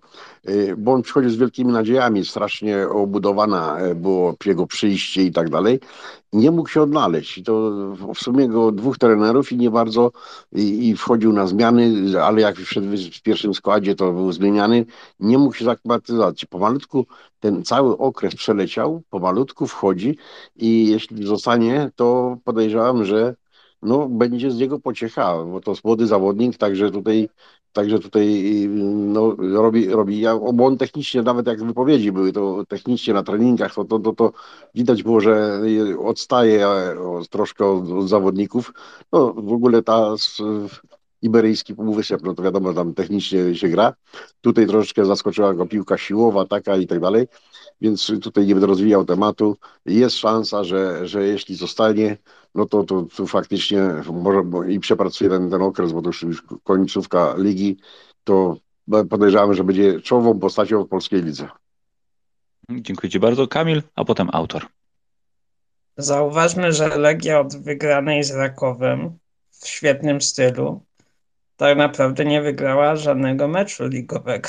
I to jest, i to jest przykre, że w, w, w możliwości jak gdyby pogoni na, na mistrza, po prostu piłkarze Legii wyszli z tego tramwaju, że to tak nazwę, na przedwczesnym przystanku. I, i, i po prostu też powiem tak, nie mniejszając Rakowowi, to to jest taka też prawda, że Legia przegrała ten tytuł bardziej niż Raków wygrał, chociaż nie umniejszam dominacji Rakowa. Ale, ale no, gdyby Legia, gdyby Legia e, ciągła dobrym pasę po meczu z Rakowem, to by, to by no, do, do, do, do końcowej kolejki by było naprawdę ciekawie. E, także, a co do czwartego miejsca, to jest tak, że y, na pewno to będzie y, miejsce y, premiowane występem w eliminacjach, bo, bo no, Legia i Raków są, są finalistami Pucharu Polski, więc, więc to jedno miejsce się zwalnia i, i wchodzi drużyna z czwartego miejsca i, i, i warta, i, i mi się wydaje, że walka o to czwarte miejsce będzie między poznańskimi drużynami. Mhm, dziękuję Ci bardzo. Autor, ja Cię wywołałem e, za to, żeby, żeby Cię zapytać, e, e, czy Ci coś jeszcze tam odpisali przyjaciele z Białorusi dotyczące meczu tenisowego, bo tam widziałem, że się, że walczysz dzielnie. Dziękuję Ci za to. Mm, więc jak będziesz miał przestrzeń, to bardzo proszę. Nie, nie, nikt, nikt mi z Białorusi nie odpisał. Nawet tam nie było za dużo głosów, jakieś lajki, bo chodzi ci o to, że y, napisałem, że finał powinien być on Jaber, a nie Sabalenka z Potapową, które powinny być niedopuszczane, tak? O tym mówisz? I o tym, o, o tym spojrzeniu przy siatce. A, no tak, no tak. Ale spoko. Generalnie tak naprawdę przeszliśmy już przez tenis, także jak chcesz się do czegoś odnieść, to bardzo proszę. Dopowiedzieć. Legia jest na czwartym, owszem, ale Legia jeszcze ma mecz z Radomiakiem, więc y, przed zwycięstwem może to się zmienić i mogą przeskoczyć y, Szczecina. No i ja tu myślę jednak y, to, co mówił Kamilzon przed chwilą, że poznańskie drużyny będą walczyły o trzecie miejsce, tak? Czy, czy o czwarte mówiłeś? o czwarte premiowane awanse, no bo jak są, wiesz, finalista jest pierwszy i drugi z tabeli, to to miejsce się zwali. Tak, i też myślę, że Lech jednak po tych pucharach trochę ujdzie powietrze z balona i to jest chyba naturalne, że motywacja piłkarzy może już trochę e, siąść na laurach i raczej Pogoń im odskoczy, tym bardziej, że Pogoń też jest na fali, o Grosicki ostatnio gra niesamowicie i no i magia nowego stadionu też zawsze jest, jest jakimś takim handicapem. Więc tak faktycznie może być, że Lech będzie z Wartą po tą czwartą pozycję się bił. Dobra, to ja tylko tyle uzupełnieniem, że jutro chyba o 18 z Radomiakiem gra Lech. Tak jest, dokładnie tak, zaległe, zaległe spotkanie. Tak naprawdę, jeżeli chodzi o tą, o tą walkę poznaniaków, tak naprawdę mm, tam dosyć blisko jeszcze są Gliwice i Krakowia, no bo tak naprawdę tam różnica między e, Wartą Poznań a Krakowem to są tylko trzy punkty. Zostało e, pięć kolejek, także tak naprawdę tutaj trzeba byłoby dokładnie się już zacząć przyglądać, kto z kim gra e, i, i Artur, masz zadanie bojowe, przypatrywać się, czy ktoś przypadkiem nie, nie przegra czegoś, czego nie powinien przegrać. Artur? No, no tak, oczywiście. Ja zawsze kibicuję Krakowi, ponieważ jako najstarszy polski klub, odkąd nie gra Pogoń Lwów, trzeba im kibicować i mimo, że Raków y, miał straszny kompleks Krakowi przez ostatnie sezony, to to zawsze gdzieś, gdzieś, gdzieś do tej Krakowi i jakąś sympatię odczuwam. Zresztą ja odczuwam sympatię do większości polskich klubów. Ze mnie taki jest bardzo dziwny kibic. Yy, no już ja miałem zabrać głos po tej wypowiedzi tutaj yy, Kamila, a propos Legii i tego, ale, ale już mi pierwszy nerw przeszedł, także nie będę już bardzo złośliwy. Yy, mówisz, że Legia przegrała. Znaczy, no może przegrała w ten sposób, że wyłączyła się sama z wyścigu, bo yy, w przebiegu chyba yy, tak jak ja to obserwowałem i tych, no ja nie jestem, nie, nie mam może, znaczy możliwość może jest, ale nie oglądam wszystkiego. Więc z tego co ja widziałem, no Kraków ma końcówkę słabszą, natomiast y, no, przez cały sezon to gdzie, gdzie była Legia? No, no umówmy się to. Legia jest zawsze potencjalnie najlepsza, a zawsze wychodzi z tego wielkie nic. Y, klub tak faworyzowany w Polsce, jak jest od zawsze Legia, od 40, nie, nie pamiętam kiedy tam ten klub powstał, niezasłużenie zdobył większość tytułów mistrza Polski w, w okresie yy, słusznie minionym. Oczywiście możesz się śmiać, zabieranie zawodników do wojskowych i gwardyjskich klubów. No ale ta, tak to zabieranie zadziałało, że za, czas, za czasu PRL aż cztery mistrzostwa zdobyli. No no cztery za dużo, bo jeżeli się postępuje nieuczciwie, to tak to wygląda. Ale musiałem sobie na tą złośliwość pozwolić, lekką. Yy, natomiast no, no, no, tak to wygląda. No, no, no, Legian, ja, ja, ja nie mam racjonalnego wytłumaczenia, jak można po tak ładnym, tak przekonującym meczu z Rakowem, gdzie naprawdę muszę przyznać, nie będąc kibicem Legii, że, że no stłamsili Raków. To, to, była, to była niesamowita piłka, szybka, no, same superlatywy. Natomiast no, y, nie widziałem meczu z Lechem, ale, ale no, chyba dosyć, dosyć słabo. No i jak na taki klub, jak na, taki, na takie pieniądze, jak na, na to, że le, ja, mm, to jest chyba ten syndrom troszeczkę drużyny ze stolicy, bo oprócz y, tutaj y, wszyscy dziennikarze, którzy ciągną do tej stolicy, nagle stają się kibicami tej Legii. Y, za moich młodzieńczych czasów nikt Legii nie lubił, więc to, to może było inaczej. Ale nie, no, no szczerze mówiąc, to jest chyba rozmowa już na po sezonie co, co, co, co dalej z tymi polskimi klubami, z tymi lokomotywami wielkimi, bo ja uważam, że y, taki klub jak Raków Częstochowa to nie jest klub, który wypadł jak sroce spod ogona, nigdy nie miał wielkich sukcesów, między innymi przez władze takie jak z Legii Warszawa, ponieważ Częstowa nie mogła mieć dobrego klubu, bo miała tą świętą wieżę w zanadrzu i nawet nigdy nie pozwolono na rozbudowę stadionu, więc to są takie dziwne klimaty. Y, więc, y, ale to jest fajnie, że, bo, bo też była mowa o Groclinie, y, o tych projektach pana Wojciechowskiego z Polonią Warszawa. No on zniszczył ten klub mimo wszystko. Dał trochę nadziei tym pra, warszawiakom z dziada pradziada, którzy w życiu nie kibicowali Legii, tylko prawdziwy warszawiak kibicuje Polonii. E, kolejna złośliwość z mojej strony, przepraszam. E, on dał tą nadzieję, ale klub tak naprawdę zmarnował e, troszeczkę i a Raków ma solidne podstawy. Klub z małego miasta i owszem, nie, nie tylko kluby z wielkich miejscowości muszą wygrywać. Nie, my, nie, my z Częstochowy nie cieczy, no to, to koło No nie, no nie, nie, ale też nie, nie jest z tych, z tych dużych takich klubów z tradycjami. Zawsze pałętali się gdzieś tam druga, trzecia liga, yy, sporadyczne awanse do pierwszej. w większości Polakom przed Rakowem kojarzyło bardziej żużlem sportowo niż czy tam z siatkówką niż z piłką nożną. No oczywiście, że tak. No ale Raków, yy, no i jeszcze niektórym yy, kojarzyła się z tragicznym finałem Pucharu Polski Legia Lech. Yy, mało kto o tym wie, ale to był najtragiczniejszy Puchar Polski w historii, ponieważ zginęły wtedy cztery osoby yy, podczas zamieszek. To jest zupełnie inny. 86 rok. Tak, to, to, to, to znam osoby, które no ja nie, nie, nie, nie Na nie stadionie Włók- Włókniarza. Tak, bo to był stadion miejski wtedy. Tam był stadion żużlowy, ale y, y, tam było boisko pełne. Teraz już nie ma możliwości rozgrywania na tym stadionie. No aha, bo się razie- rozgadałem, ale Mhm, więc tak. tak. tak kończąc, tylko chciałbym powiedzieć, że ten projekt ma podstawy, zwłaszcza, że XCOM wygrał teraz słynny przetarg na dostawę 400 tysięcy komputerków z orzełkiem, także no to będzie solidny zastrzyk gotówki, a zauważcie, że właściciel Rakowa to jest y, nie fanatyk, to jest rozsądny człowiek, ale miłośnik od dziecka, wychowany na Rakowie. To są ludzie związani mocno z klubem.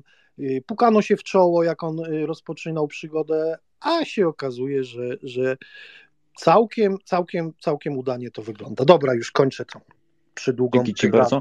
Tak naprawdę e, Raków to jest bardzo fajny temat do dyskusji, dlatego że Papszun, który ogłosił odejście z, ze stanowiska trenera, mm, ciągnął ten klub 7 lat. I tak naprawdę oni 7 lat temu to nie wiem gdzie byli, ale byli albo w drugiej lidze, albo w trzeciej, już nie wiem, zaraz sobie rozklikam, ale tak naprawdę on ten klub stworzył i jakby mm, czuje się na tyle chyba spełniony, że, e, mm, że sobie po prostu wybiera inną drogę. Mm, No, mamy nie też w Polsce taki drugi klub, który jest zbudowany od zera w małej miejscowości. Stadion jest w polach kukurydzy, czyli Nieciecza i, i też y, państwo witkowscy tak naprawdę od y, Raków, nie umniejszając procesowi Rakowa, Rakowa, ale Raków tam od chyba trzeciej ligi wszedł w górę, natomiast no, Nieciecza od tam od A klasy, od B klasy, od okręgówki. Tak, ale wiesz, Raków powstał wtedy, kiedy na, na, na miejscu stadionu Legii to jeszcze krowy się pasły. No, to są jakby tematy. Ale to jest wszystko w żartach. Trzeba było tam było no, pojechać i zobaczyć tak czy siak bez złośliwości już, ale stadion Niecieczy jest przepiękny, jak na, jak na, tak jak powiedział Kamil, środek kukurydzy. To sobie rozklikałem teraz w Google'ach, to niczego sobie, naprawdę. E, właścicielem jest Ładniejszy od, firma. sta- od stadionu Rakowa. To naprawdę, to y, według mnie y, miasto Częstochowa się nie popisało z tym. Znaczy, wiesz, Nie jest chodzi o to, temat- że jest mały. Nie chodzi o to, że mały. Na przykład Niecieczy, stadion Niecieczy jest mały, ale jest fajnie, ładnie zaprojektowany. Natomiast Raków to Ale w jest Częstochowie szydło. nie ma stadionu z kilku powodów. Nie wiem, czy już przeszliśmy do tego, może zaczekam, bo nie chcę Mateuszowi tak wchodzić tutaj w paradę, czy, czy, czy, czy nie wiem, czy tak gładko. Mateusz, mogę coś powiedzieć? Pewnie, że. tym? O, tylko to pamiętaj, że jeszcze Zbigniew stadion- czeka, także pamiętaj, że jeszcze Zbigniew czeka także śmiało. To ja tylko, no Zbigniew pewnie też dużo wie na ten temat. Yy, Jeżeli chodzi o stadion, to tak jak powiedziałem, stadion Rakowa nigdy nie powstał, dlatego że Raków nie miał prawa w pewnym, do, do, awansować do pierwszej ligi, taka jest prawda. Yy, Nawet Zagłębie Sosnowiec mia- miało kilka razy utrącić te, te ambicje klubu. No, klub istnieje już ponad 100 lat. Natomiast i, ten, klub- i dlatego stadion Rakowa nigdy nie powstał. Nawet taki toporny, komunistyczny, był niewielki. To, co się dzieje teraz, i tu Was zaskoczę, ja uważam, ja popieram decyzję prezydenta miasta Częstochowy, ponieważ uważam, że tragicznym w Polsce jest to, że miasta budują stadiony klubom. Jest to jedna wielka porażka dla mnie. yy, I ewentualnie w dużych miastach, gdzie gra kilka drużyn, coś taki kazus może Mediolanu, yy, nie, nie i jeszcze raz nie. To są przepotężne inwestycje, kompletnie nie sprawdzające się w większości przypadków, bo y, mamy ligę bardzo dużą jak na polskie warunki. Y, miasta nie są duże, a budują stadiony chyba troszeczkę nad wyraz. Mają problemy z utrzymaniem tych stadionów. Poza tym, no, no prawda jest taka, że mieszkańcy miast nie do końca muszą się interesować piłką nożną i mają gdzieś. Y, I to jest to Częstochowie, ja wiem, że był, zostałbym zlinczowany, jak, a jeszcze jakbym się gdzieś pałętał tam na, na południu miasta, w rejonach Rakowa, to, to, to, to tym bardziej, ale ja uważam, że to była bardzo mądra decyzja, ale też jest jeszcze inna rzecz. Pieniądze na stadion Częstowa chciała wyłożyć, bo Ministerstwo Sportu obiecało 60 milionów złotych dołożyć na ten stadion, jak dokładało do budowy, nie przepraszam, 40 milionów, 60 miała kosztować cała budowa. Yy, I obiecywano, że dołożą. Niestety, jak po raz kolejny lewicowy zostało Częstowianie wybrali lewicowego prezydenta miasta, pieniędzy nie ma. Więc no tak to wygląda, jak wygląda. Dzięki. Ja, ja, chciałem tylko dopowiedzieć, że e, mówisz tutaj, Arturze, o stadionie, który był modernizowany też pod kątem e, jakby tego, że e, drużyny, które grają w, w Ekstraklasie muszą jednak jakieś normy spełniać. Między innymi na przykład ilość, ilość fotelików czy tam siedzeń i, i oświetlenie. Także tak naprawdę oni musieli tak czy siak go zmodernizować. A że zrobili to brzydko, no to jest inna kwestia. Zbigniew? Ja już odlecę, no to było takie, takie międlenie na temat tych stadionów. No, ruch też w tej chwili ma problem, bo walczy o ekstraklasę, klub z tradycjami, kilkanaście tytułów mistrza Polski, a, a praktycznie będzie rozgrywał w Gliwicach albo gdzieś w gościnnie, czy na Stadionie Śląskim, jak się dogadają. Więc zostawmy do tego. Ja chciałem tylko podsumować kolejkę ostatnią naszej ekstraklasy, bo była bardzo ciekawa.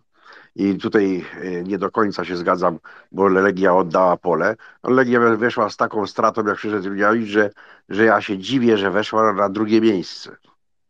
Bo ma zasób kadrowy, chyba najbardziej, najbardziej wyrównany, tak bym to powiedział. Może szerokie, no to prawie każda drużyna ma, ale dość wyrównany i ławka i to wszystko. A zauważyliście, że koniec e, się zbliża już ligi, zostało bodajże 5 czy 6 kolejek, 5 zdaje się, i już drużyny zadyszki mają. Ten Raków niby wygrał, ale to, co gra ostatnie trzy mecze, to piach to wygrywa po prostu konsekwencją, twardą taktyką i dyscypliną, bo za twarz wszystkich papszun trzyma. I po prostu dlatego, dlatego to przecież y, zmienią co wygrali. No niby wygrali y, przekonująco, jeśli się patrzy na wynik, ale jak, jak się obserwowało, co grają, to, to, to tam jakby remis był, to, to też by nie było, y, że tak powiem, tragedii w jedną czy w drugą stronę. Także generalnie najmniej, najmniej odczuwa skutki e, całego sezonu, to Pogoń. I szczerze mówiąc Lech generalnie, bo jak patrzę to, to i ligowe i, i chyba w tej chwili w, w tym sezonie chyba to jest jedyna drużyna, która powiązała rozgrywki e, z bytem ligowym, gdzie jest w czołówce. E, miały zachwianie krótkie, ale też doskoczyli do czołówki. I w tej chwili godzą, jak to zawsze był problem z polskimi drużynami. I chciałem tylko na koniec tak podsumować. Zbigniewie, przepraszam, tylko mam do Ciebie pytanie, bo ja nie zrozumiałem i przepraszam wszystkich.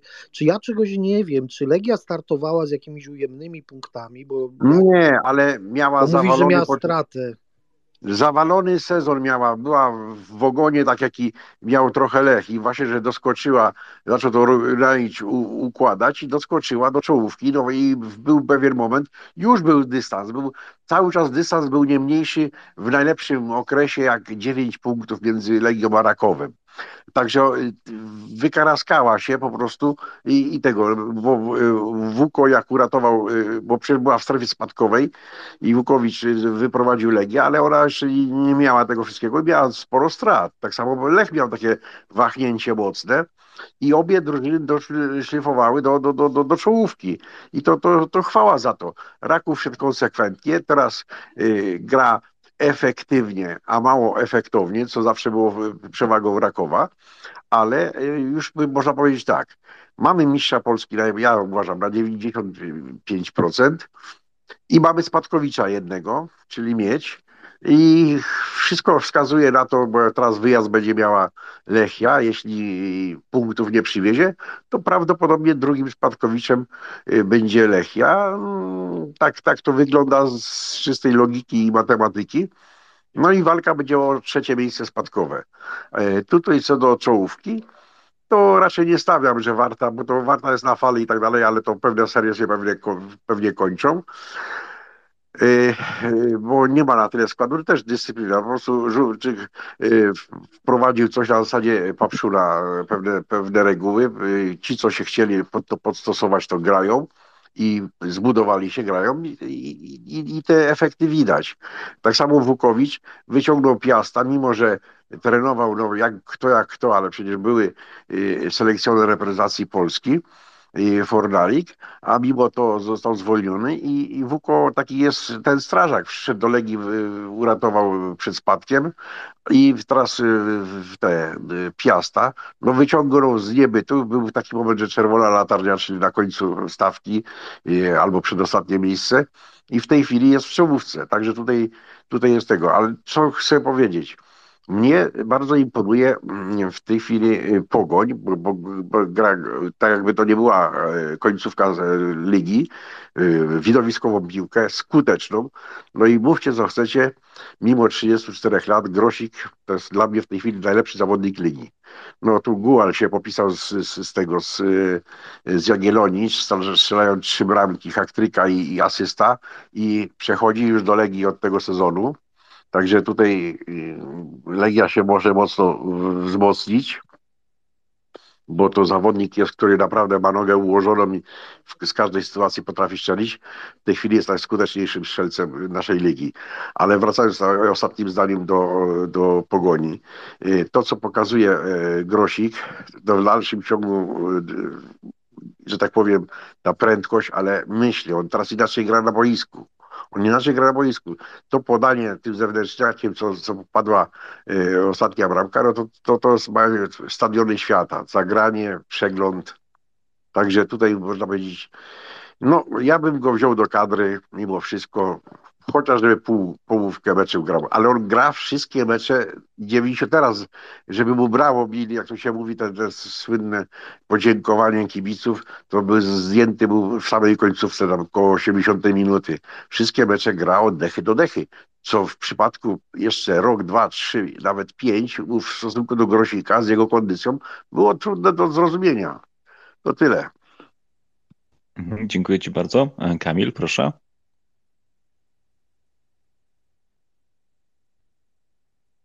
Tak, e, odnośnie muszę, muszę jeszcze wrócić do, do stadionów, do tematu stadionów. Teraz e, wyobraźmy sobie, że jeżeli tak tabela się dołowa, dół tabeli się skończy, jak się skończy, to będziemy mieć dwa 40-tysięczniki w pierwszej lidze. I to jest kuriozalne i to jest e, Śmialiśmy się, pamiętam jak, jak e, były Mistrzostwa Świata 2018 w Rosji, śmialiśmy się z Rosjan z tego stadionu w Jekaterinburgu, gdzie tam były dostawiane trybuny. No ale tam y, chyba, bo to musi być wymóg od FIFA, chyba od UEFA jest tak samo, że stadion turniejowy musi być minimum mieć 40 tysięcy pojemności krzesełek, natomiast y, no, Rosjanie po prostu zrobili dostawiane trybuny, a po imprezie po prostu zmniejszyli zmniejszyli e, pojemność stadionu chyba do 25 tysięcy.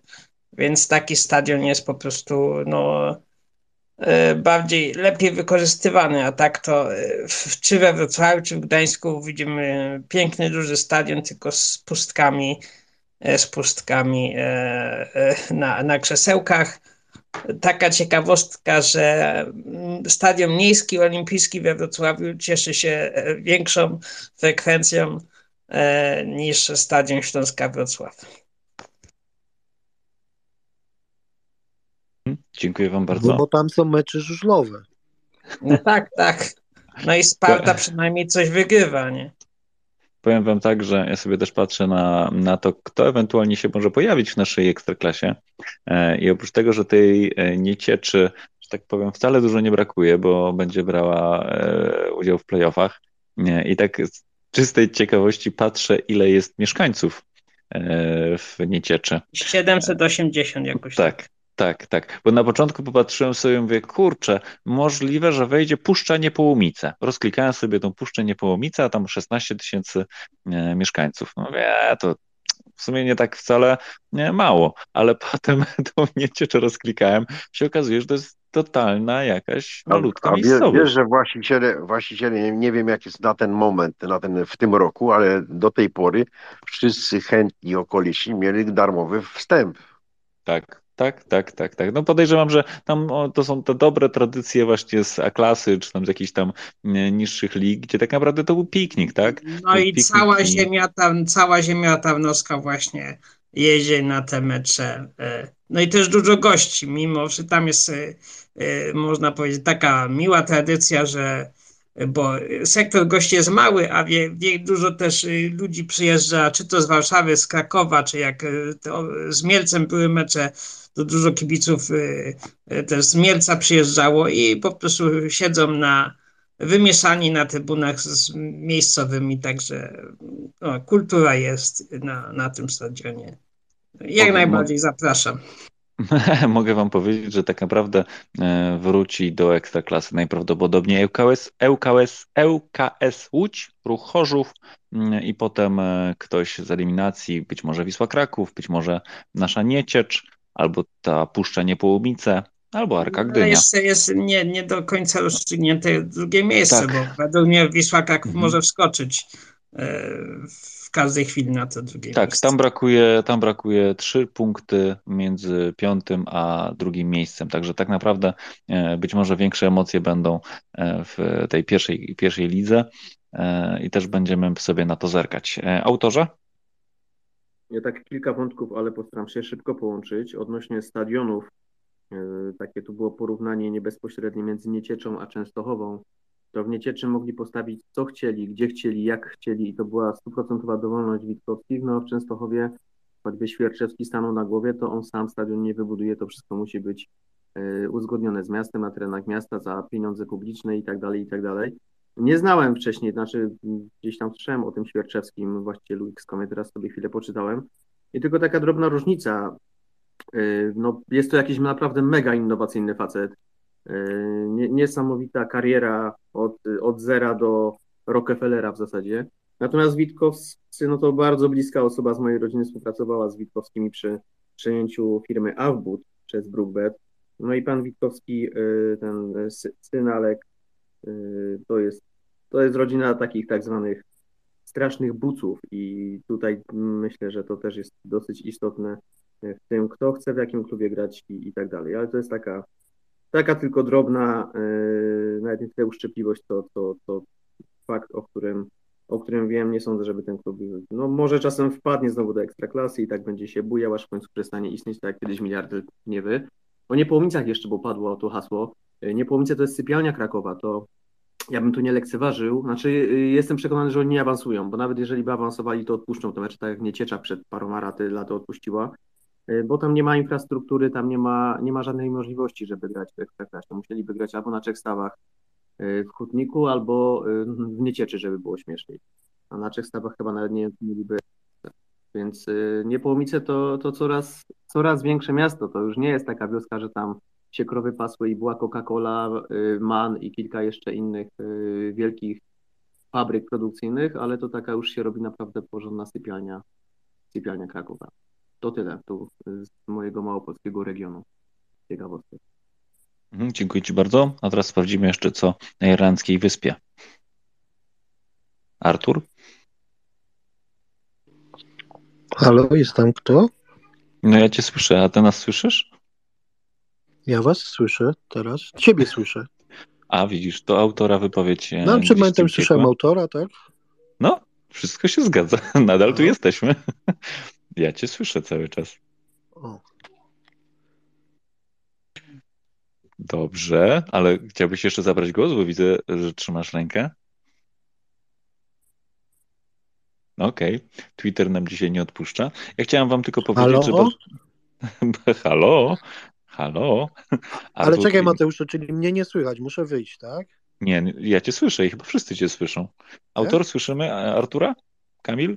Słyszymy, słyszymy. A, no to super, to jeżeli mogę, bo Yy, takie dwa słowa na temat, ponieważ teraz wszyscy pewnie znają yy, właściciela Rakowa, ale ja kojarzę osobę, ponieważ rzeczywiście byłem świadkiem kariery tego chłopaka.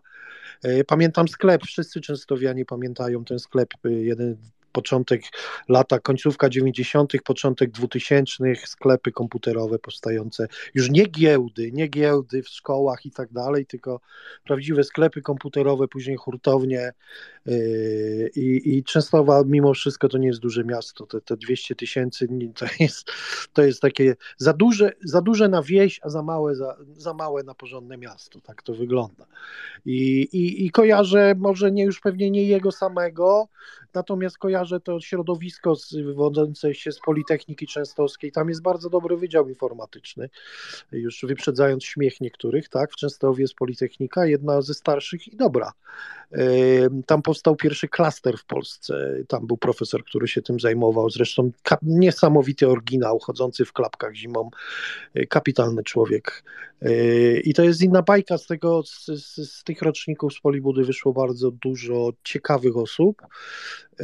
między innymi on, no i, i ten, te, tego, tego hopla, jak to u nas mówią, chybzia na punkcie Rakowa zrealizował i, i jest bardzo poukładany i dlatego uważam, że ten klub mimo odejścia, pewnie będziemy o tym mówić, bo to jest bardzo zaskakujące, Marka Papszuna, on nie sądzę, żeby się w jakikolwiek sposób miał posypać. Zobaczymy też na ile genialny i na ile, na ile ten klub został zbudowany na geniuszu Marka Papszuna. No ja wolałbym, żeby się okazało, że w ogóle, ale wiadomo, no on, no to jest dla mnie niesamowita postać. Ja bym właśnie od was może chętniej się dowiedział. Yy, on, on, on, chyba on jest z Warszawy lub spod Warszawy, to wiem, ale trenował tam niewiele znanych klubów. Nie? I, I, skąd taki, taki, takie rozeznanie piłkarskie, taki nos do zawodników? Przecież to, on, oni są mistrzami przyjmowania zawodników, na których wszyscy położyli laskę. Yy, w sensie, no, no, mm, już nie dawali szans na rozwój kariery, a tutaj się odrodzili. Yy, teraz się chyba tam wysłałem taki fajny link, yy, między innymi tak wracając do przebiegu sezonu i do tym, kogo Legia goniła. No nie, no Raków miał olbrzymią przewagę w, w, w strzelonych bramkach, w liczbie najmniejszej straconych, w ogóle z efektywności. Z, tam jest kilka takich ciekawych tabelek, z których ja nic nie rozumiem, wy na pewno rozumiecie więcej. A, a propos jeszcze stadionów, no powiem wam, że to jest w ogóle ciekawe miasto, ponieważ te problemy Rakowa ze stadionem, one się chyba też wzięły stąd, że ostatnia obecność tego klubu w pierwszej lidze to były lata 90. E, później klub zdołował i raczej wszystko wskazywało na to, że prędzej przestanie istnieć niż, niż, niż, niż coś się będzie działo. I tak niespodziewanie to przecież kilka lat temu wy, y, wychynął z za rogu ten nasz informatyk z, z, z Magiciem spod Warszawy i stworzyli taką, taką, i taki, taki fajny projekt jak Raków, który no jeszcze ja jeszcze się nie cieszę, to różne rzeczy już w polskiej lidze to już takie cuda się działy, że panie, mamy teraz, y, szefuje polskiej lidze przecież drugi Dziurowicz, także on jest w stanie zrobić wszystko ja dopóki nie zobaczę tego, tych medali, tego pucharu y, w moim rodzinnym mieście, to, to nie uwierzę. Ale jest na przykład taki drugi klub, jest dużo klubów piłkarskich, jak w każdym mieście, no Warta Poznań jest znana, Poznań jest dużym miastem, jeszcze był przecież Olimpia Poznań kiedyś była, chyba nawet był taki moment, że trzy kluby poznańskie, nie wiem czy nie występowały w pierwszej lidze. W Częstowie też jest kilka, jest Wiktoria, jest między innymi taki klub Skra Częstowa, klub, który chyba gra obecnie w pierwszej lidze, chyba może nawet obroni się przed spadkiem, yy, ale też ma bardzo ciekawą sytuację ze stadionem. Klub, który stracił swoje tereny tak naprawdę przez inną siłę wiodącą w moim mieście, taką z dużą wieżą i nie będę może tutaj yy, wchodził w, ściślej w temat, ale oni stracili wszystko, co mieli, tereny i tak dalej. Na takim dawnym boisku treningowym zostało to odbudowane. To jest dzielnica, on się nazywa teraz Podjasnogórska, to jest dzielnica Trzech Wieszczów. E, I tam budują swój klubik i budują go też bez dużego wsparcia od miasta. E, jest crowdfunding, ludzie zbierają się, próbują, coś robią. Jest już murawa podgrzewana, jest oświetlenie, jest wszystko. Niestety nie ma jeszcze gotowych trybun zadaszonych, no ale się starają i miasto co zrobiło, to przekazało klubowi teren teraz już chyba nie ma wieczystego użytkowania, więc on jest chyba przekazany w ogóle w użytku, na własność. Na budowę budynków, budynek już stoi, ale też tam ma być szkółka piłkarska i to popieram Tak, miasto powinno się zachować. Tak, popieramy mniejsze kluby, yy, dajemy na młodzież, niech się klub rozwija świetnie, fajnie. I, i, a jak się dalej historia pod... No chciałbym właśnie, kto, czy ktoś mi w ogóle wytłumaczy ten fenomen trenera Papszuna. Ja mogę się dołożyć tylko tym, co mogłem wyczytać. E, tak naprawdę miałeś rację, że on nigdy dużych, dużych zespołów nie prowadził. E, tak naprawdę to jest, on jest z wykształcenia humanistą. E, ale co ciekawe, tematem jego pracy była historia piłkarstwa warszawskiego po II wojnie światowej w latach 4-5-4-6. Ciekawe. Prowadził sobie w swojej karierze trenerskiej zespoły Dolkan Ząbki, Białęka Warszawa, GKP Targówek, KS Łomianki, potem e, Legionowia, Legionowo, mm, Warsowia, w ogóle zespoły e, absolutnie jakieś niszowe. E, przed Rakowem był Świt Nowy Dwór Mazowiecki, to też chyba, że tak powiem, nie jest nic, nic wielkiego. I potem właśnie w 16 jak nic roku... wielkiego, jak tam w sezonie chyba 2000 Świt grał w Ekstraklasie. Naprawdę? No tak, i, i Wójcik, i Wójcik, i Wójcik, bo był jako ratunkowy, miał uratować przed spadkiem. Świętej pamięci Wójcik. No, widzicie, wy wiecie lepiej, bo jesteście I, I on bliżej. wtedy mówił, tu nie ma co trenować, tu trzeba dzwonić. No być może. W każdym razie e, po tych wszystkich zespołach trafił na Raków Częstochowa. Raków w 16 roku był w drugiej lidze i właśnie już pod tym trenerem awansował do pierwszej, potem do ekstraklasy e, i tak naprawdę całkiem sporo e, zdobył. Wicemistrzostwo Polski w 20, 21, Puchar Polski e, również 20-21, Super Puchar Polski 21-22, e, no i teraz można dopisać do tego Mistrza Polski w 2023. E, co ciekawe i co myślałem będzie dosyć istotne, on zrezygnował z powodów osobistych. Tutaj mogę przywołać cytat pana Filipa Adamusa, człowieka absolutnie znającego się na piłce, Mm, który z nim rozmawiał i cytuję: To jest umowa z najważniejszą, z najważniejszą osobą w życiu, zawarta parę lat temu. Nie wiem, czy Państwo Papszun dali sobie jakiś konkretny deadline, ale może umówili się na pewien moment, w którym trener oddaje ten czas najbliższym. Całkowicie to rozumiem. I to fajne, bo zbyt wiele osób niestety czasem zapomina, co jest w życiu najważniejsze. E, no tutaj można z tego wyczytać, że po prostu chce sobie zrobić urlop e, w, z rodziną.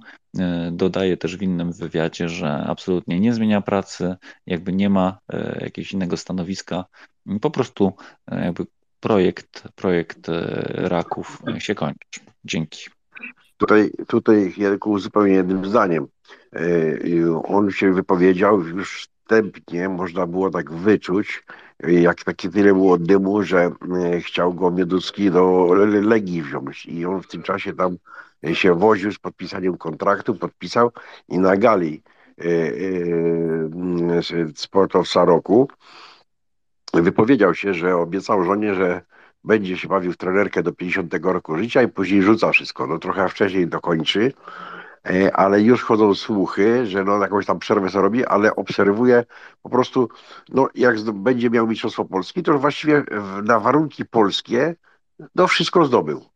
Mało który taki trener jest i to ciągiem cały czas. To nie tak, że zdobył za trzy lata znowu gdzieś z jakąś drużyną, tylko z tą samą drużyną od drugiej ligi do ekstraklasy, gdzie cały czas jest w czołówce. I w zeszłym roku w trochę dziwnych okolicznościach uciekł tytuł mistrza Polski, bo miał realne szanse. I troszkę gubił punktów.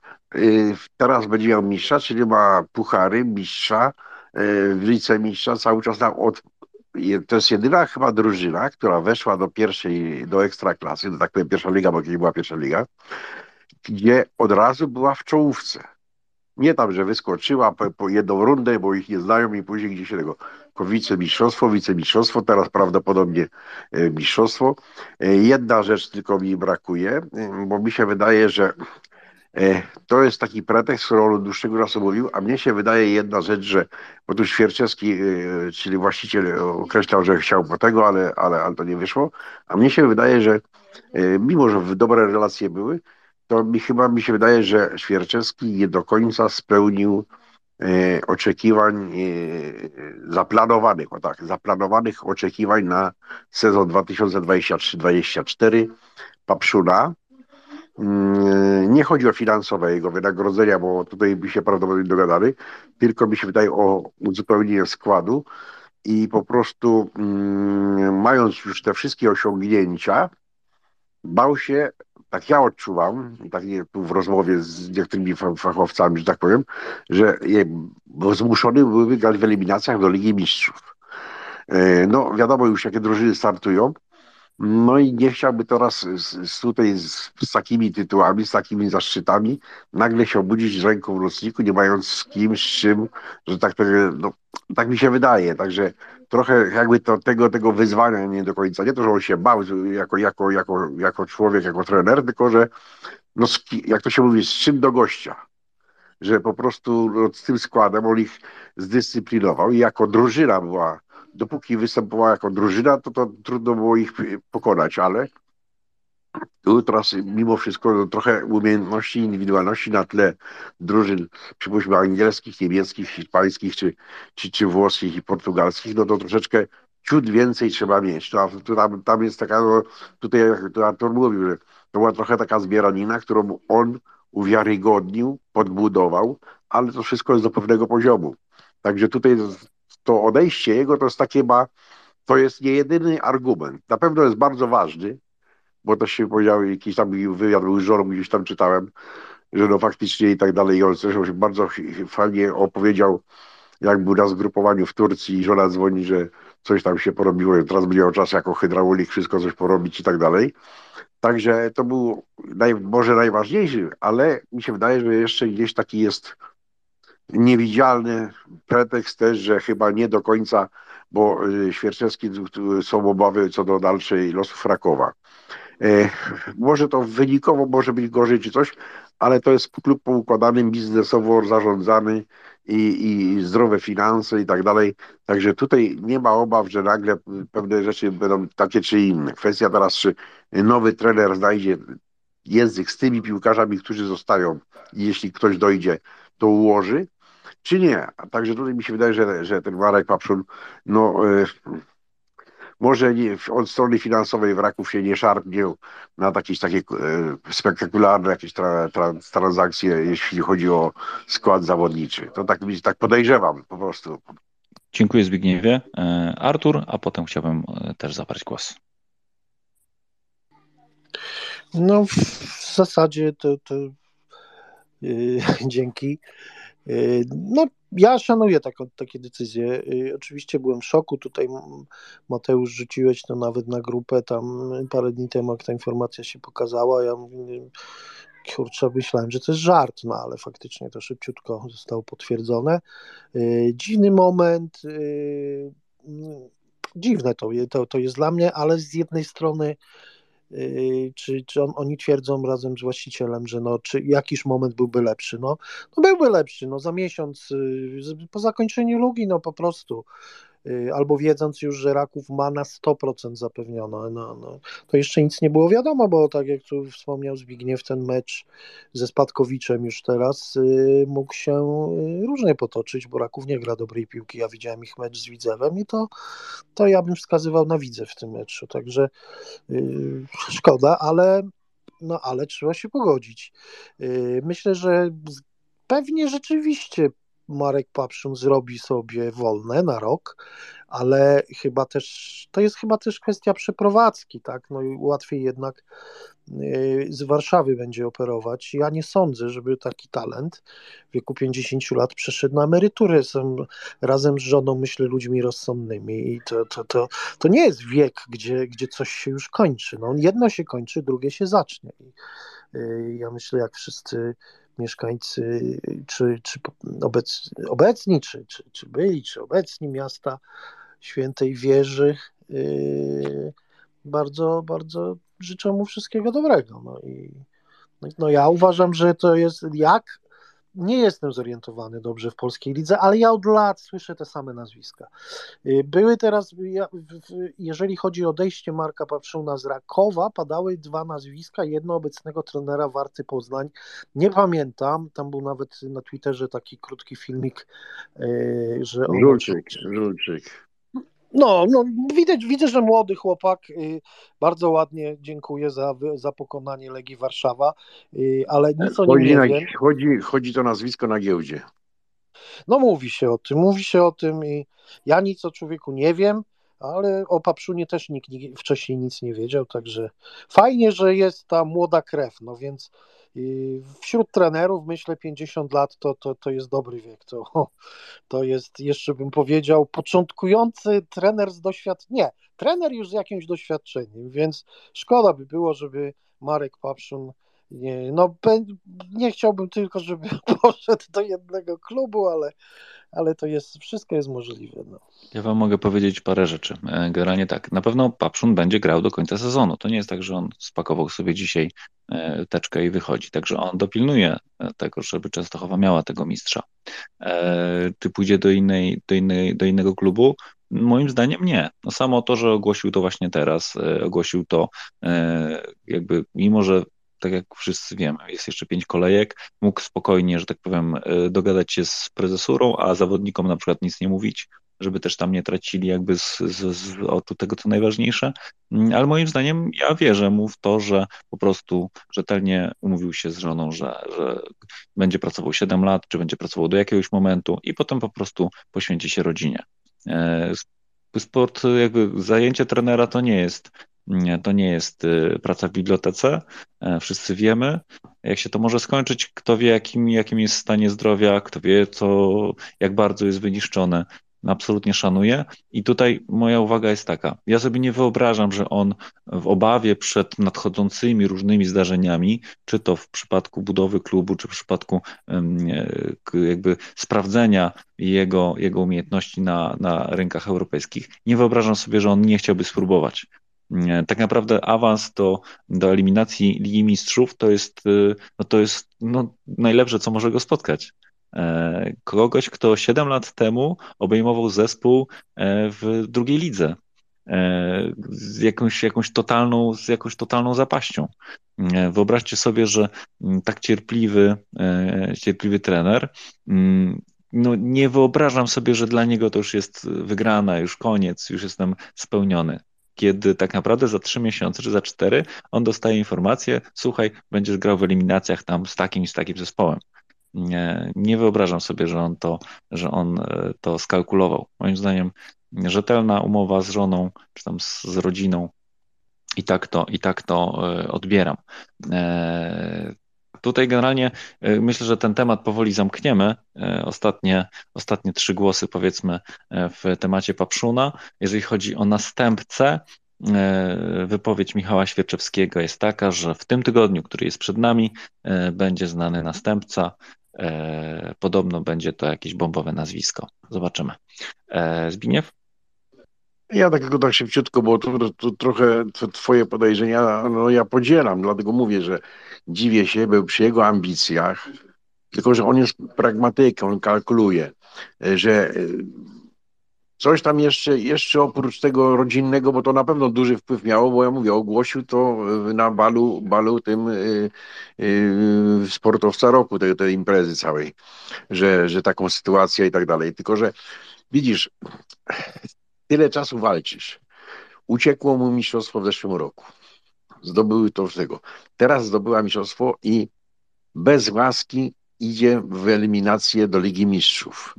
I teraz znając, że on nie porzuci tego zawodu, on może zrobić przerwę pół roku, rok, czy tam będzie się zajmował jakimiś tam konsultacjami i tak dalej, to przecież mając w perspektywie, a już był rozpatrywany, że tak powiem, jak ten, na tej giełdzie e, trenerów, na, na trenera reprezentacji i tak dalej, i, i, i w Legii, więc tutaj mm, e, wybicie się i pokazanie się na arenie międzynarodowej, bo nawet niech on by tam tę eliminację przegrał, ale drużyna by grała tak jak Raków grał, załóżmy do trzech kolejek wstecz, czy czterech, z dębem, z, z polotem, to było zorganizowane i tak dalej, no to po prostu, no mi się wydaje, że już jego teraz, jego, jego oczekiwania, czy, czy, czy, czy, czy dla mnie, jak ja bym patrzył tak jego oczami, czy, czy widzieć, no to już byłoby tak, albo kadra Polski, albo zagraniczny klub, taki, taki no, w miarę, w miarę żeby, żeby tam nie gdzieś w Chinach, czy gdzieś Bóg wie, czy tak dalej, tylko taki już no, w miarę, ja nie mówię, że tam Real, czy coś, ale, ale w miarę klub taki, żeby tego. W każdym bądź razie to troszeczkę to jakby zdziwienie, że jeszcze pół roku bodajże nie przeciągnąć czy coś, żeby zobaczyć, jak to będzie szło. No, tylko, że mówię, być może, być może, że przypuśćmy, no, y, zobaczył mniej więcej, jakie drużyny startują i co on może z tym zrobić tam w lidze, tak jak y, Lech y, w, w, tej lidze e, Konfederacji i tak dalej, jeszcze by może powalczył, no ale tutaj już musi być ze znacznymi drużynami się walczyć, no. No nie wiem, takie są podejrzenia, takie są głosy. Yy, ogłosić ma trenery jak tego, bo tu jeszcze takie niebezpieczeństwo było ostatnie zdanie, że jak się drużyna zachowa, gdy się dowie, że on rezygnuje, bo to zostało jeszcze pięć kolejek. No z tą, co, co dzisiaj yy, grały, no to, to sześć kolejek było. No więc jak tutaj, jak tutaj się drużyna zachowała, przeważnie taki, taki, taki ruch, no to nie, nie wpływa mobilizująco na drużynę. No ale mimo wszystko widocznie to wszystko było przemyślane, może celowo. No w każdym bądź razie podejrzewam, że Świerczewski od dawna znał tą rzecz, bo y, jak ogłosił w tym tygodniu taką wiadomość Papszun, a on w tym tygodniu ma ogłosić już trenera, czyli musiał już prowadzić wstępne rozmowy z jakimiś trenerami, jednym, dwóm czy trzema, nie wiadomo.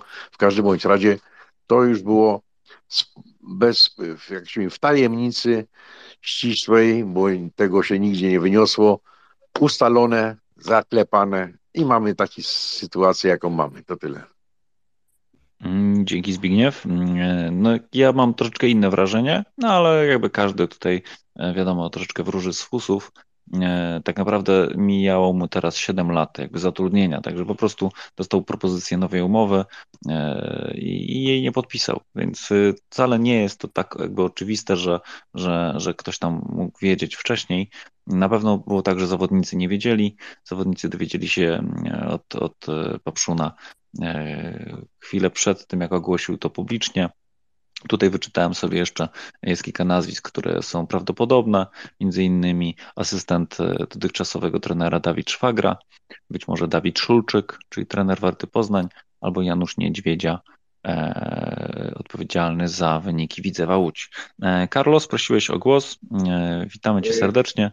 Jedna tak, uwaga tylko, tak, staraj się nie przeklinać i nie hejtować, będzie mi miło cię słuchać. Ale śmiało. Ja, wie pan, trochę się stresuje mimo wszystko. E, witam wszystkich bardzo serdecznie. E, ja mam takie pytanie odnośnie klubów. E,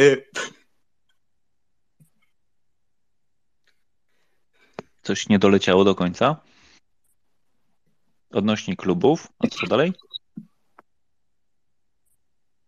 Spokojnie, popraw, popraw mikrofon, spokojnie, że tak powiem, zaraz dostaniesz szansę, że tak powiem, jeszcze raz. My tutaj jesteśmy sami swoi. E, jeżeli jesteś zestresowany, to my też. Mm, w każdym razie, e, myślę, że. Już mógłbym? Pewnie, proszę. O, no, bo coś tu przerwało mi. E, generalnie ja mam takie pytanie odnośnie klubów, jeśli chodzi o ekstraklasę. Ekstraklasę.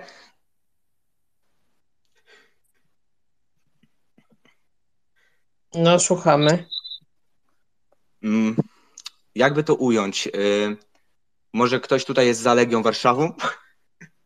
No co, ja, jesteśmy, no, no ja. my jesteśmy, no, my jesteśmy też za sportem, wiesz, staramy się. Okej, okay, dobrze. Kolega Ryczek. Okej. Okay. Okay. kolega Ryczek tutaj troszeczkę nam zepsuł.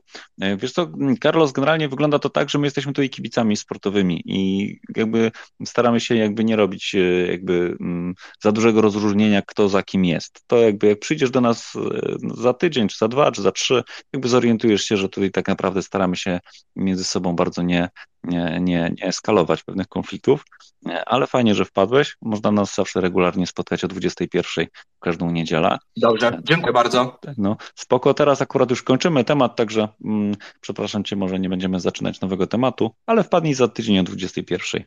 E, jeszcze chciałbym Wam powiedzieć e, dwa słowa, ale najpierw autor, proszę.